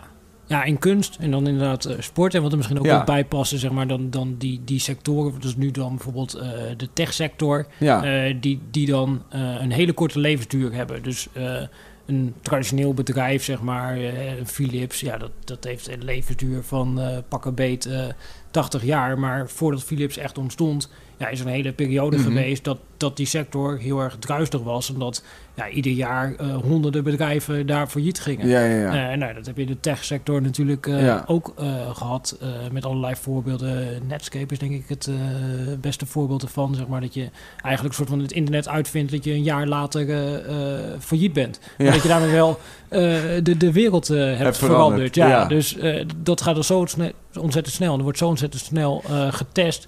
dat als, als er iets niet klopt eh, in jouw eh, idee... dat dat meteen eh, afgestraft wordt door een concurrent. Omdat die ja. ja. markt en technologie zich zo ontzettend snel ontwikkelt. En hetzelfde geldt natuurlijk voor kunst en voor sport. ja. En de rest van de maatschappij, ja, die loopt ook altijd... Het is ook gewoon vaak traag ingeregeld. Waardoor verandering heel langzaam gaat. En ergens is dat slim, omdat ja, als je iedere dag alles over de kop gooit... is waarschijnlijk ook niet het, het meest ideale scenario. Eh, en tegelijkertijd houdt het wel tegen dat je op een gegeven moment eh, ontwikkeling krijgt. Wat, wat heeft er, wat heeft er je, je komt uit een onderwijsgezin, zeg je, of een onderwijsfamilie. Ja, Wat heeft er bij jou toe geleid dat jij nu bent waar jij bent? Als, als in, het is namelijk best wel een opmerkelijk pakket voor mijn gevoel. Hoe jij bent samengesteld. hoe doe je? Nou, je bent, een, eh, je bent eigenlijk heel wetenschappelijk. Toch? Mhm. En, en, en, ehm, en sorry voor deze ehm, eh, generalisatie. Maar eh, wetenschappers zijn vaak niet per se de sportfanaten. Nee. Nee. Nee. Maar ik denk, ja, het, is een bepaalde manier eh, van denken die je dan jezelf op een gegeven moment eh, aanleert. Eh, omdat je, ja, wat eigenlijk natuurlijk gewoon eh, de wetenschappelijke manier van denken is, is dat jij hebt op een gegeven moment een theorie. Eh, die theorie die ga jij eh, testen en op basis daarvan ga je die theorie eh, aanscherpen. En het mooie daarvan is dat eh, nou, de ideeën die je op dat moment hebt, nou, je weet eigenlijk al, die zijn eh, achterhaald of niet perfect. Dus die gaan een keer bijgesteld worden. Maar het is wel het beste wat ik nu eh, Mhm. kan eh, hebben. Eh, en nou ja, als je op die manier structureel werkt, dat je ook structureel voor jezelf probeert in te bouwen, dat jij eh, jouw ideeën test en dat er gewoon harde data en harde cijfers zijn om te kijken van klopt er nu eigenlijk wat ik denk? Ja, dan heb je een ontwikkeling. Terwijl je kunt ook een soort van eh, eh, ja, open loop hebben, zeg maar. Dus Ja. dan eh, heb je een idee en dat, dat gooi je de wereld in en dan krijg je nooit feedback van klopt dit nu eigenlijk? Ja. En dan ja, dat stagneert. Dat, blijft dan altijd hetzelfde. Je hebt een heleboel theorieën die zijn ja, onfalsifieerbaar. Dus als het onfalsifieerbaar is, dan ja, gaat die theorie zich ook niet ontwikkelen. Dus je kun je alles kun je daarover over zeggen en alles kun je daarover vinden. Maar dat vind ik niet zo heel erg interessant. Omdat ja, ja, de- de- dan kan, kun je A zeggen en dan kan iemand anders kan B zeggen. Dan kun je allebei een soort van gelijk hebben, want Ja. je kunt het eh, niet eh, bewijzen. En ik denk niet dat dat heel interessant is. En ik denk dat het wel eh, interessant is om te kijken van nou, wat zijn nou ideeën die je wel kan testen en ontwikkelen en hoe je beter inzicht kan krijgen. En dat het uiteindelijk sport, ja, nou ja, wat ik net ook al een keertje zei over voetbal, het is gewoon de meest complexe sport die er is. En tegelijkertijd zit inderdaad dat prestatie-element erin. Dus je hebt iedere week gewoon een meting waar je op het veld terugziet van eh werkt dat, Ja, wat ja. jij eh, aan het doen bent. Eh, ja, en dat, dat maakt dat, dat het triggert. En dus het, in voetbal zit ontzettend veel, weet je wel. In die periode waar we het over hadden, de fluwele revolutie. Nou, toen was ik eh, eh, 17, 18 jaar. En toen zat ik gewoon, nou ja, omdat die mensen die werkten dan bij Ajax, hadden bij Ajax gewerkt. Zat je, zeg maar, na een schooldag had ik een afspraak met iemand die dan bij ABN AMRO werkt... of die directeur was geweest was bij Unilever, zeg maar. Eh, en die, met die ging ik dan praten over de jaarrekening van Ajax. Nou ja, Ja. Ja, dat is natuurlijk volledig eh, gek als je het eh, eh, bedenkt. Ja. maar dat is wel de soort van de beste leerschool die Hoe, je hoe, kan hoe, hebben. kreeg je, hoe kreeg je dat voor elkaar destijds? Dat was gewoon puur op basis van het site die je, die je had en... en, en... Ja, die mensen die hadden dan die artikelen gelezen. Ja. En dan, nou ja, als je dan een mailtje deed, dan dachten ze van, nou ja, die, die probeert in ieder geval zich wel te verdiepen. En Ja. er is natuurlijk niet vaak iemand die daadwerkelijk geïnteresseerd is in wat ze doen. Dus dan merk je, als je ze gewoon open vragen stelt, dan willen mensen heel graag vertellen over wat ze aan het doen zijn. Dus ik heb daar, nou ja, Maar dat is wel re- redelijk revolutionair toch? Van, ik, bedoel, ik denk niet dat elke 18-jarige denkt van... Ah, kan toch? Ik ga het gewoon even gewoon checken voor een oud directeur van eh ABN AMRO. Kan ik gewoon een mailtje sturen? Dat, Nou, eh, ik, ik dacht eerst ook inderdaad dat het niet kon. Eh, maar de- de- toen één stuk op een gegeven moment door het dak ging... toen waren die mensen zelf die contact met Oh, ja. mij opnamen. En toen dacht ik, oh, en dit, dit kan dus blijkbaar. En dan, ja, eh, dat waren ook mensen, zeg maar, bij Ajax heb je altijd kampen. Dus er waren mensen uit verschillende kampen. En dan wist je, nou, je, je wist wie is met ongeveer met wie bevriend... en wie kan me waar introduceren. ja. Dus dan kun je ook wel regelmatig iemand als kruiwagen gebruiken. Van, ik ben ook wel benieuwd wat hij ervoor vindt. Kun je even tegen hem zeggen dat ik wel oké ben en Oh ja. dat hij met eh, mij Ja, wil precies. praten. Eh, ja, en dan kun je dan ja. onderwijzen, en dan zeg is maar. het pay it forward model. eh, voor je het weet eh, heb je ja, de halve land eh Ja, nou ja. Rolodex. ja, en dan kun je je ontwikkelen zeg maar, op dat gebied van financiën, organisatie. Maar je kunt ook met iemand gaan praten over ja, hoe is nou de ontwikkeling van een kind eruit op biologisch gebied, zeg maar. Of hoe werkt het lichaam en hoe loop je blessures op. Eh, ja, er, er zit van alles zit er Ja. achter eigenlijk. Ja, je hebt ook een heel strategisch eh, element natuurlijk in het voetbalspel. Eh, nou, en eigenlijk Maar je via het toch al- voetbalspel ja, kun je met alles, eigenlijk kun je met alles in de wereld kun je in aanraking komen via Ja. het voetbalspel. Ja, oké. Sure. Maar, maar ik bedoel, je hield toch wel van voetbal, neem ik aan, als jongetje. Ja, Want dat, heb je, dat vertelde je nu niet. nee. Van, je, je hield altijd al wel van voetbal. Eh, ja, vanaf een bepaalde leeftijd. Ja, eigenlijk vooral dat eh, EK 2000, dat staat nog heel erg bij. Zeg maar, dat was in Nederland. Eh, Oh ja, Nederland en België. Ja, ik was toen zeven en dat, dat, dat was voor mij wel dat ik dacht van... toen eh, ging ik alles verzamelen, zeg maar. Dat, dat, je, dat je kranten ging uitknippen en ik wilde alles erover lezen, alles kijken, alles begrijpen. Eh, en dat is eigenlijk... Misschien dat iemand op een gegeven moment moet zeggen stop, maar dat, dat is niet gebeurd. Eh, ja, Was, was, was, je, wa- wa- was, er, was er voetbal in het gezin? Was voetbal een, een nee, ding? nee, mijn moeder vindt het niks, mijn vader vindt het niks, mijn zus vindt het ook niks. Dus, En in je omgeving? Eh, nou, op mijn basisschool wel. Eh, en er waren een paar ooms aan mijn vaders kant, eh, maar aan mijn moeders kant ook helemaal niemand. Dus ik kom niet echt uit een traditionele voetbalomgeving. Dus, dus jouw definitie van talent, om even terug te grijpen naar de pitch die je deed voor de, voor de tienkoppige jury waarvan 70% vrouw was. ja, Die, die definitie was voor jou dus heel belangrijk, want het is wel by chance dat jij eigenlijk van voetbal bent gaan houden. Min of ja. Ja, en nou ja, weet je, als ik in een iets andere tijd geboren was, zeg maar als ik tien jaar eerder geboren was, eh, ja, dan was misschien wel niet. Dan was het, nee, maar dat was er ook per definitie was het kansloos. Ja. Eh, en, en tien jaar later misschien ook wel, omdat er dan was er wel iemand anders geweest die nu hier had Ja. gezeten en ditzelfde verhaal had verteld. Eh, en dan was alles wat ik daarna gedaan had, was een soort van ouderwets. Oh ja, nee, maar dat hebben we allemaal gezien. Weet je wel, dus eh, ja, je zit precies op het juiste eh, punt om dit eh, te kunnen doen.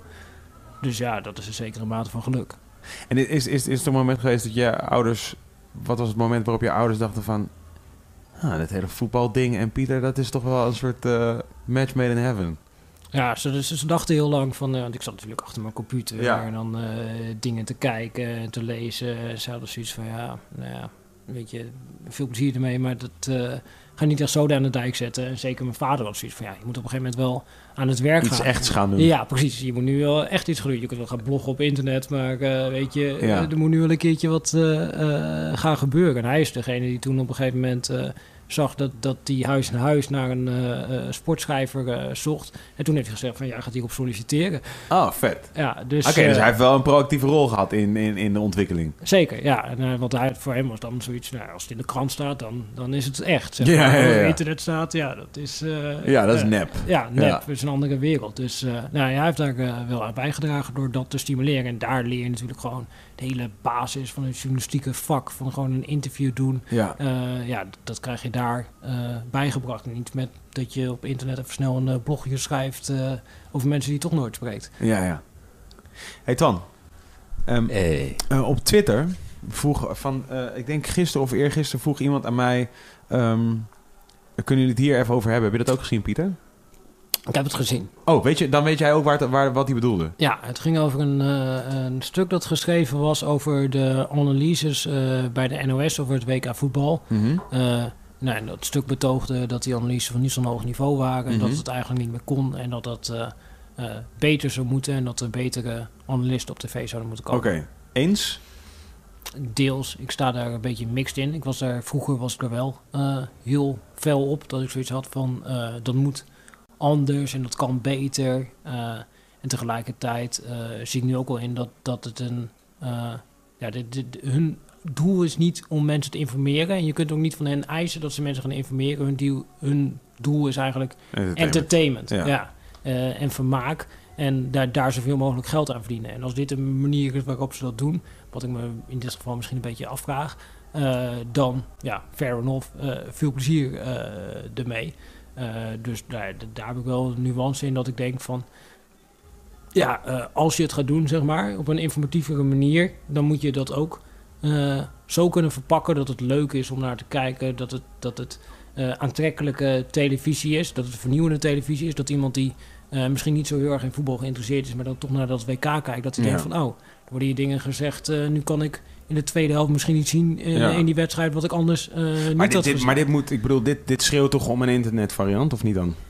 Ja, dat is natuurlijk ook het ding. Ja. Eh, als je dit beter wil doen, dan vind ik ook wel dat dan moet je op een gegeven moment het zelf gaan doen. Ja. Eh, in plaats van dat je blijft klagen. Het is natuurlijk ook wel makkelijk schoppen tegen de NOS om te Ja. zeggen van ja, alles wat de NOS doet deugt niet. In plaats van dat je zelf laat zien van Oké. ik kan dit beter en anders doen. Ja. En maar ben jij daar niet uitgewezen persoon voor dan? Nou, we hebben natuurlijk een jaar eh, dat item gehad eh, in Rondo. Uh-huh. Eh, en als je een eigen online televisieprogramma wil gaan maken, nou, dan, dan moet je daar een bepaalde tijd in steken. Moet je daar. Ja, ja, je zei een online, online televisieprogramma, dat vond ik grappig. Ja, oké. ja. Een online programma, ja. Een online programma. Ja. Ja, het is natuurlijk niet televisie. Nee, ja, een online Ja, maar programma. voor- een format als dusdanig? ja, Met, met beeld en niet met audio. Dan, Ja. eh, eh, nou ja, als je dat wil, ja, dan moet je daar tijd in investeren. Goede Ja. mensen verzamelen. En je moet vooral dan voor elkaar krijgen dat je een paar mensen hebt die eh, op een hele goede manier die vertaling weten te maken van inhoud naar uiteindelijk beeld wat entertaint. Ja. Wat leuk is om naar te kijken, ook als jij misschien niet heel erg geïnteresseerd bent in de looplijnen van pakken beet eh, PSV. ja. Eh, Maar dus- is het niet genoeg dat jij en één iemand anders, of misschien twee aan een tafel als deze met een paar microfoons zitten en in een uur eh, de belangrijkste wedstrijden of momenten van een week gewoon live bespreken? Is dat niet genoeg? Zou dat, niet dat, genoeg dat zijn? kan je doen, maar ik denk. eh, de, de- ik zou niet alleen willen dat het zeg maar, onderscheidend is qua inhoud, maar ik wil dan ook dat het onderscheidend is qua vorm. Eh, en dat, dan moet je er gewoon eh, in investeren en dan moet je op een gegeven moment het programma maken wat het helemaal eh, is. En niet Mhm. dat je iets gaat maken waarvan je denkt, ja, het is qua inhoud wel beter misschien dan dat het er nu is, maar ja, pakken beter geluidskwaliteit is niet goed en het Mhm. wordt niet leuk in beeld gebracht. En daardoor kijken mensen niet. Dan wil je eigenlijk dat het hele pakket, dat het direct zo goed is, Ja, dat je er niet omheen kan. ja. Oké, dat, dat, ja.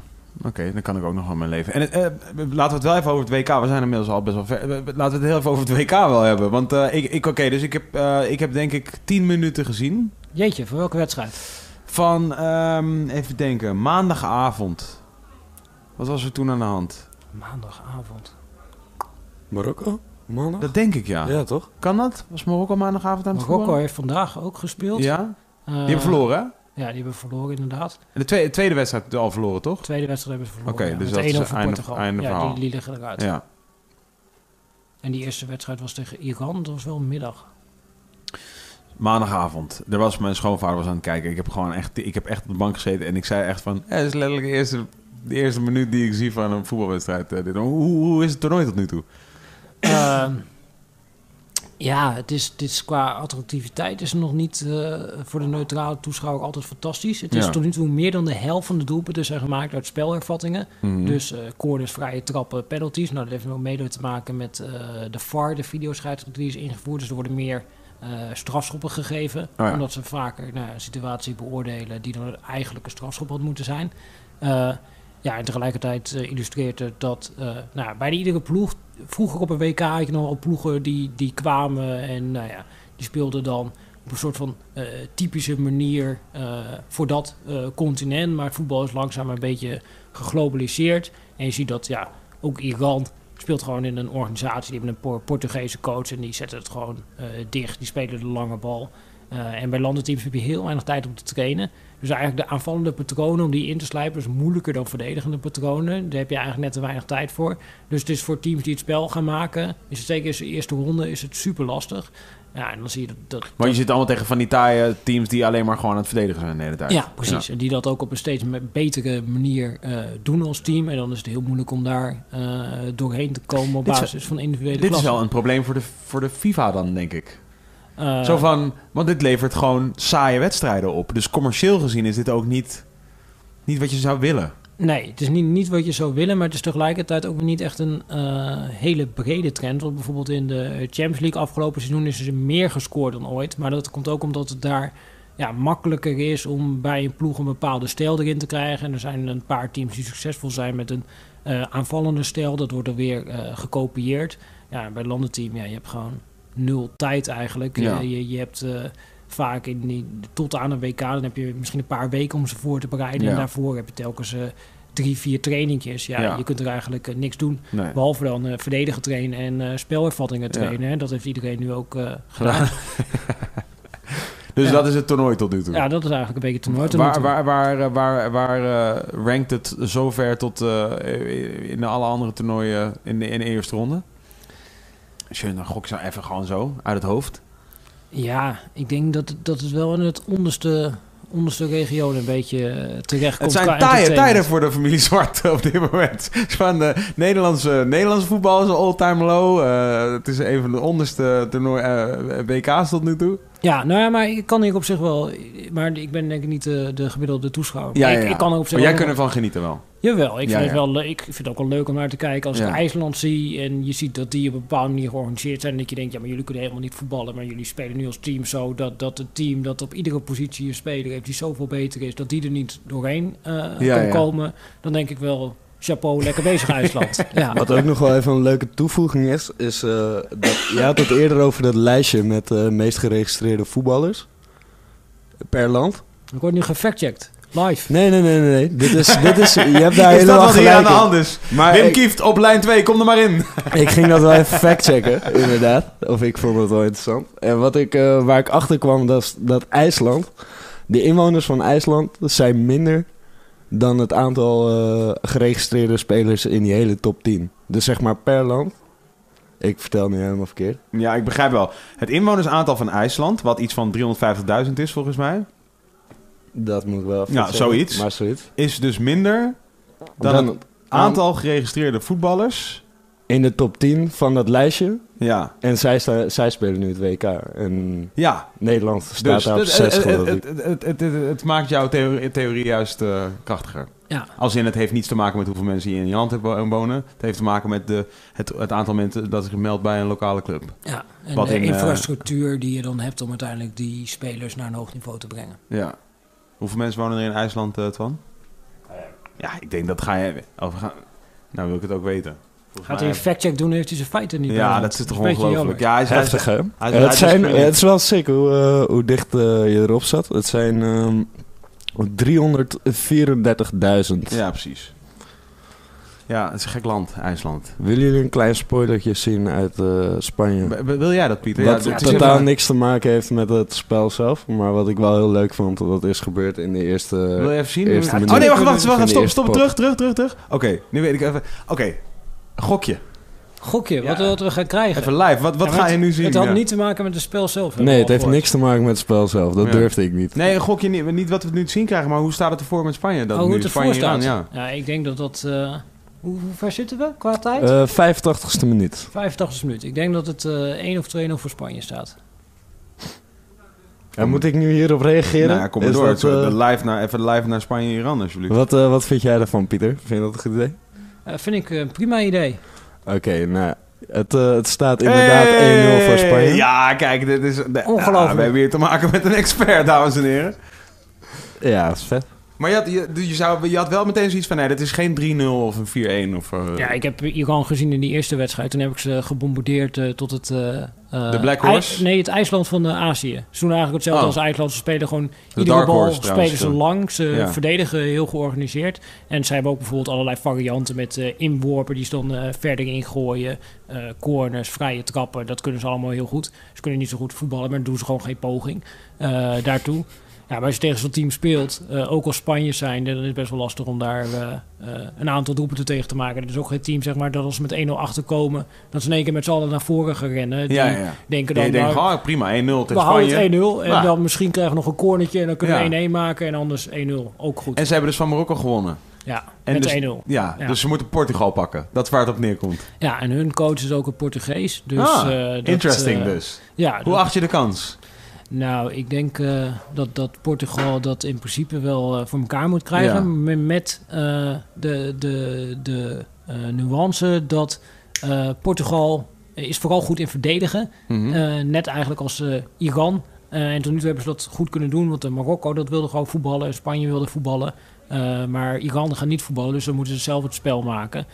Daar is Portugal minder geschikt voor. Maar Portugal heeft ook aan een 0-0 genoeg tegen Iran. ja. Dus in principe is Portugal ook wel het land dat Dus dit wordt van... een pot die iedereen mag gaan skippen, bedoel je te zeggen eigenlijk? Nou ja, dat, dat is inderdaad een vertaalslag eh, die je kan maken. Je krijgt twee teams die helemaal niks willen in die Ja, wedstrijd. ja, ja. ja. Oké, dan eh, en, en dus de gedoodverfde winnaar.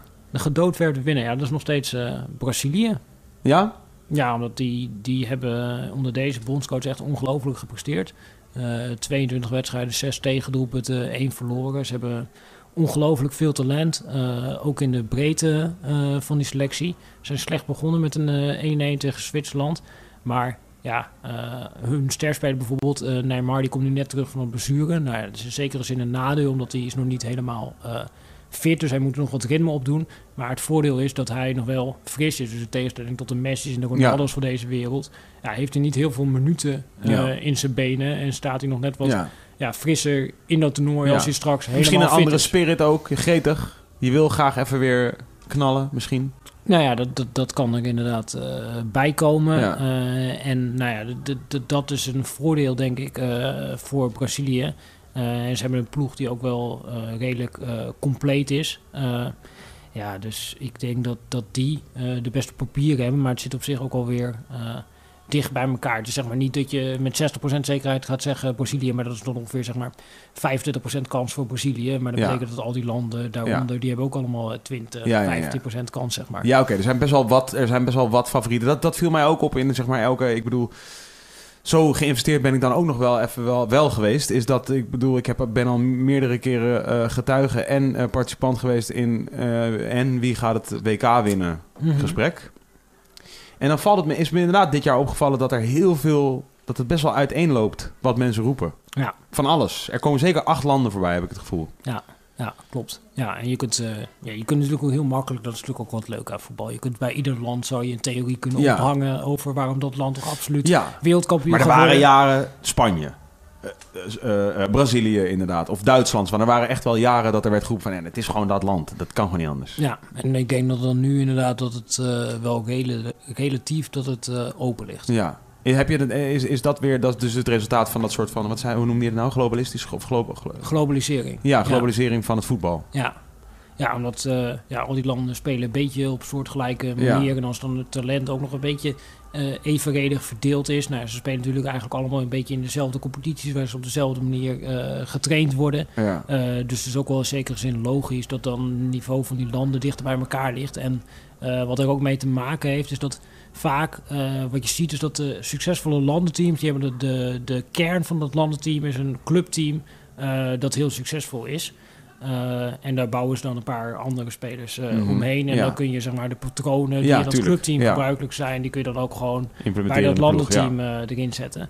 Ehm, en wat je nu, ja, mede omdat er natuurlijk ook veel buitenlanders in het team zitten, zijn er heel weinig teams die echt geënt zijn op één specifieke ploeg. Ja, en dus heb je ook niet echt een ploeg die op basis daarvan Ja, eh, de duidelijke winnaar, ja. de duidelijke winnaar Ja. eh, gaat worden. Bijvoorbeeld Real Madrid dat dan eh, de, de Champions League heeft gewonnen. Een aantal jaar eh, op rij zelfs al. Ja, die, die hebben gewoon relatief weinig Spanjaarden in dat elftal staan. Ja. Dus ja, je kunt ook niet de Spaanse ploeg gaan baseren Ja, op, het spel van Real Madrid. Want alle belangrijke spelers, dat zijn eigenlijk buitenlanders. Ja. Ja, dat, dat- daardoor, ja, vroeger had je dan misschien Barcelona en dan kreeg je Barcelona min Messi Ja. bij Spanje. En dan kon je ook wel mee winnen. Ja, ja, precies. Eh, en dat heb je nu heb je dat minder. Is, is, er een, eh, is er een duidelijke dark horse? Dus is eh, Ik zit zelf een beetje al een tijdje op team Senegal. Ah. Ja, die hebben, eh, Oeh, Rotjoch, shout-out naar Rotjoch. Die, is, die is, ze hebben ook gewonnen, hè, eerste wedstrijd. ja, hebben ze zeker eh, gewonnen met 2-1 eh, voor Polen. Ja. Eh, ze hebben echt aanvallend hebben ze best wel heel veel spelers die op een heel hoog niveau spelen en daar ook een heel goed seizoen Mhm. achter de rug hebben. Ze hebben centraal achterin hebben ze twee verdedigers die echt op een goed hoog niveau spelen. Eh, ik kende de backs eigenlijk niet, maar zeker die linksback, dat, dat viel me heel erg mee toen ik hem eh, zag spelen. Ik zag ook dat hij bij Bordeaux dat hij prima statistieken had zeg maar, over het eh, afgelopen seizoen. En ze hebben ook nog twee goede verdedigende middenvelders ervoor. En ze zijn als team gewoon goed georganiseerd. Dus ze spelen heel vaak spelen ze 0-0, 1-1, 1-0, eh 2-1. Weet je wel, dat, dat soort uitslagen. Omdat Ja. ze gewoon spelen vanuit een organisatie. Ja, en dat is zeker voor een team dat moet gaan stunten op het toernooi... is dat meestal wel de manier waarop je het eh, kan doen. Want als je minder kwaliteit hebt dan bepaalde tegenstanders... dan is het heel moeilijk om ze voetballend eh eronder te krijgen. Ja. Maar dat zijn ongeveer de snelste aanvallers eh, ter wereld in de ploeg zitten. En ze zijn ook nog goed gestructureerd. Ja, als je dan een keertje de bal wint en die gasten beginnen te, Te lopen. rennen. Ja. Ja, dan hebben tegenstanders toch wel af en toe problemen, denk ik. Is, is, is dat dan ook jouw persoonlijke favoriet? Nee, mijn persoonlijke favoriet is eigenlijk eh, Argentinië. Maar dat heeft echt alles in zich om een eh, soort van eh, koningsdrama te gaan worden.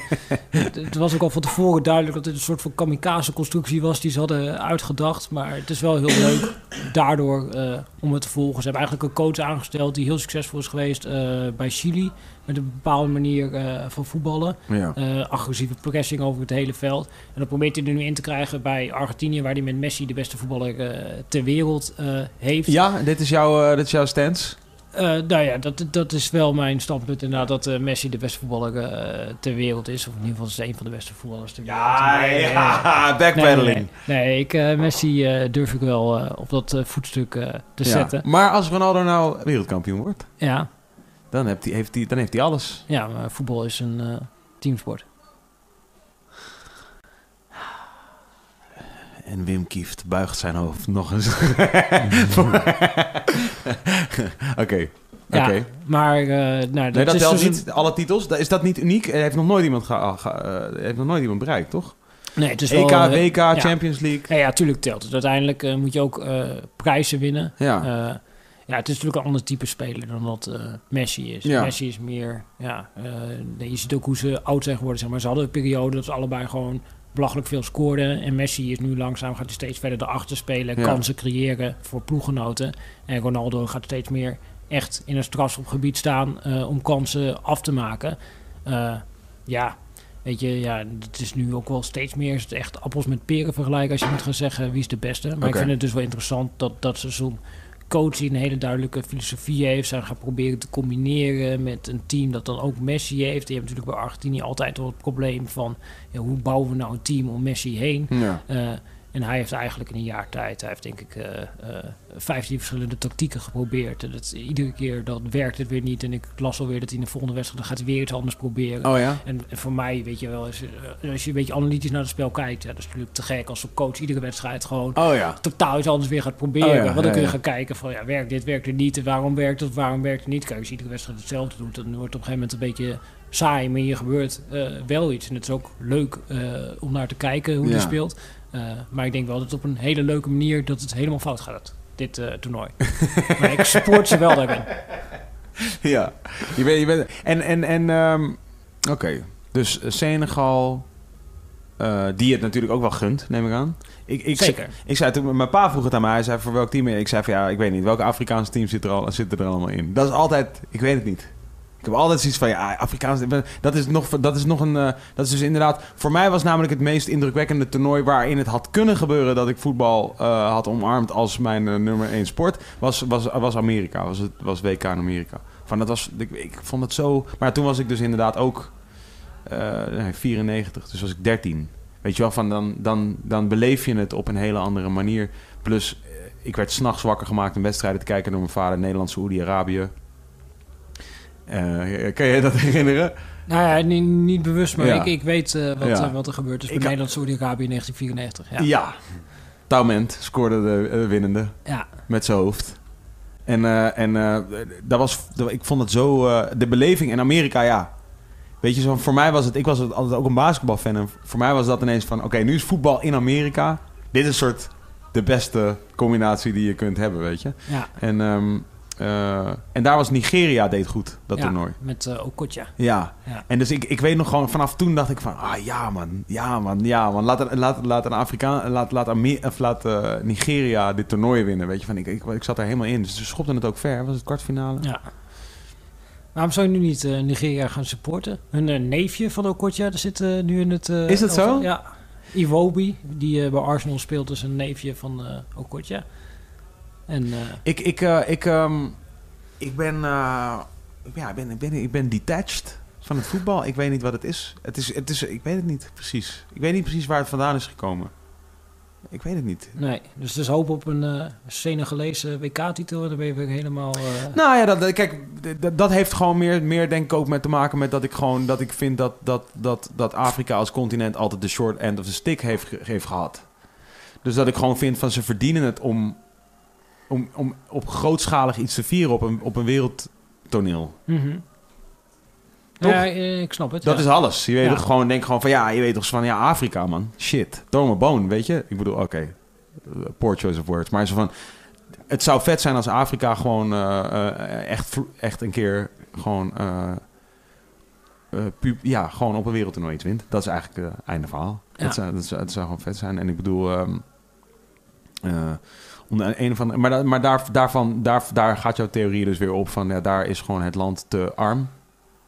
Of eh, te arm eigenlijk om, eh, of tenminste, het werelddeel is te arm. Eh, Een heel aantal van de landen in dat werelddeel Ja. zijn waarschijnlijk inderdaad aan de arme kant om Ja. dit op een goede manier te structureren. En het tweede nadeel wat je natuurlijk hebt, eh, waar, we, waar we het net over hadden, zeg maar, dat je een landenteam eh vormt naar een clubteam. En dat kunnen zij nooit doen, omdat al hun spelers spelen over de hele wereld bij allerlei clubs. In allerlei verschillende systemen en allerlei verschillende speelstijlen. ja, En dan Ja. wordt dat dit landenteam wordt het bij elkaar eh, niet gebracht. te doen, ja. Ja, dat is bijna niet eh, te doen voor een coach. Dus ja, dat is gewoon heel moeilijk. Is ehm, een, een, eh, een goede vriend van mij, hij heet Junte Uiterwijk. Zijn rapnaam is Stix. Ehm, van dus Zwolle. Ehm, hij, ehm, eh, hij, eh, wij, pra- wij, had- wij, hadden, wij hadden het wel heel vaak over voetbal toen wij samen aan het, eh, aan het rappen waren een tijdje. En, ehm, en dan wel over dus het voetbal van weleer. Dus een van de spelletjes die wij deden was gewoon randomly voetbal, voetballers noemen. Uit van vroeger. Ja. Dus dan gewoon om en om gewoon een naam. En dan, en dan ja, dat was grappig. Ja, ja, ja, ja. Daar hadden we lol in. Ja, En, en dan, dan- deden we gewoon rustig anderhalf uur, twee uur of zo, ja. En, ehm, maar hij, op een gegeven moment hadden we het gesprek en toen zei hij van... Ja, weet je, dat is, geld, geld, is, eh, geld is gewoon eh, doping. Ben je het daarmee eens? Ehm, ik snap wat ermee bedoeld wordt. Eh, en tegelijkertijd, ik vind ook wel dat er misschien in het voetbal te snel dan een soort van die moralistische kaart getrokken wordt van ja, maar zij hebben heel veel geld en dat is niet eerlijk. Omdat, Nee, maar nog niet eens op clubniveau, maar bijvoorbeeld dus op, op, op continentniveau, Eh, ja, landenniveau. landenniveau. Ja, nee, maar de, daar, daar is dat natuurlijk een, eh, ja, een factor die invloed heeft op hoe uiteindelijk Ja. eh, talent zich ontwikkelt. Ja, en dat, dat heeft gewoon invloed op hoe dat uiteindelijk zo'n landenteam presteert of kan presteren.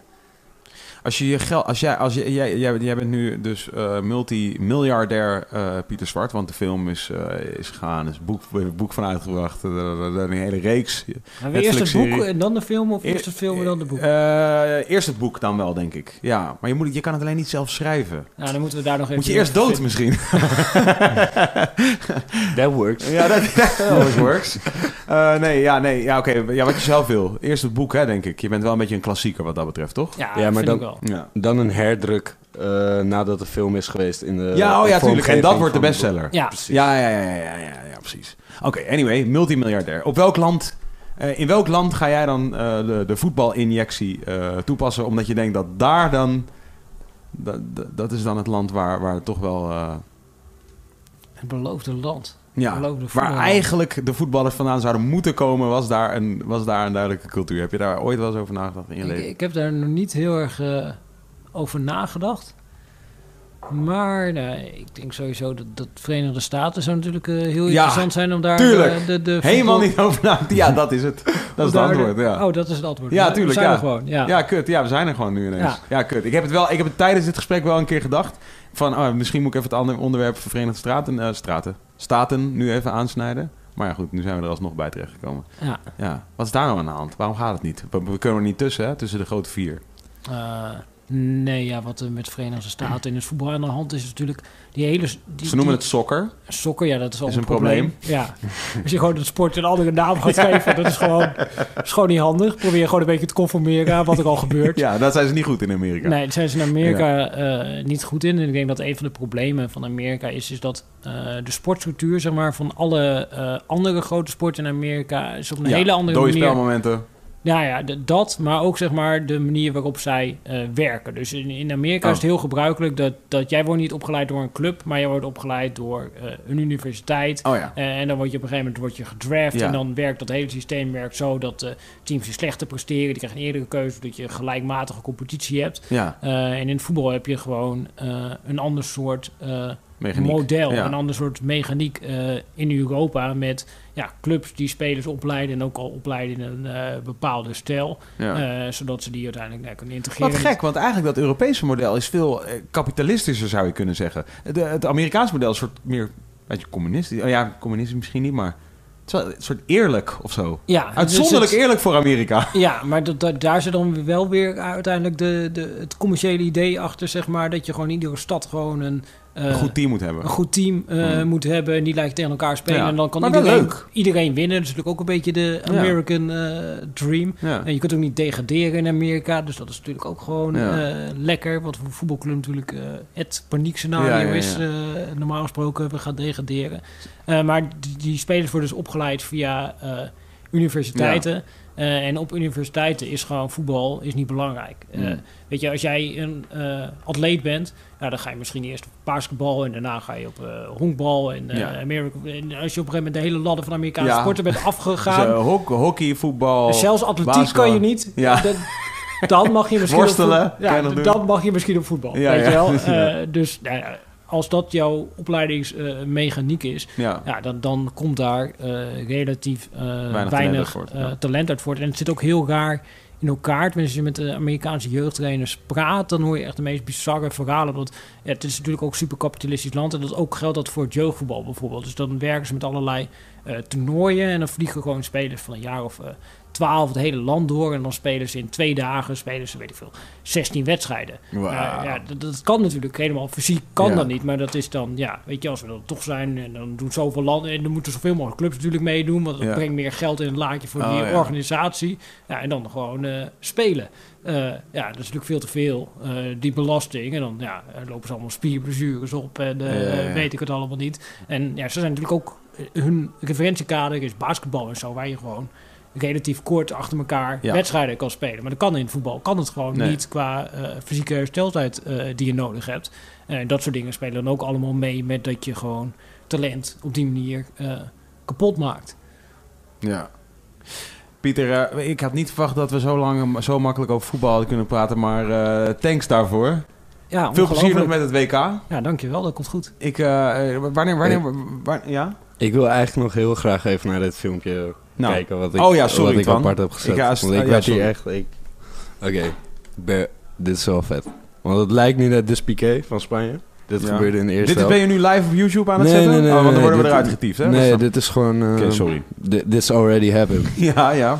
Maar ehm, het lijkt nu net alsof er wat met zijn schoenen aan de hand is. Maar Oké, mag ik... Mag watch ik... this. Ja, dit is vet. Ah. Dit is vet. Tijdens de wedstrijd. Ja, die gaat in de compilatie. Die gaat in de compilatie.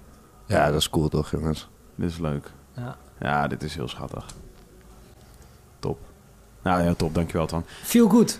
Ja, veel goed momentje om mee af te sluiten. Fijn Ja. is dat, hè? Zoals Wim Kieft het gewild zou hebben. hey, Pieter, bedankt voor het komen en eh, dit gesprek. En ehm, succes met alles. Yes, dankjewel. Twan, jij ook weer bedankt, jongen. Je haar zit trouwens uitzonderlijk goed. Ik weet niet of het is het in de chat ook al een keer genoemd. Nee, nee, nee. Maar even, even shout-out naar Hare Majesteit, waar ik eh, elke week voor de uitzending even bijgewerkt word. Ja, dat, zijn wel, dat, dat is die opportunist, hè? Dat is die opportunist eh, Twan. Geheel Ja, tegen de Nederlandse, Ne- Nederlandse methodiek in. Ja, ja. Tot volgende week, dames en heren, waar we gewoon weer helemaal verder gaan met de fluwele revolutie Wilde Haren, de podcast. Dankjewel voor het luisteren en kijken.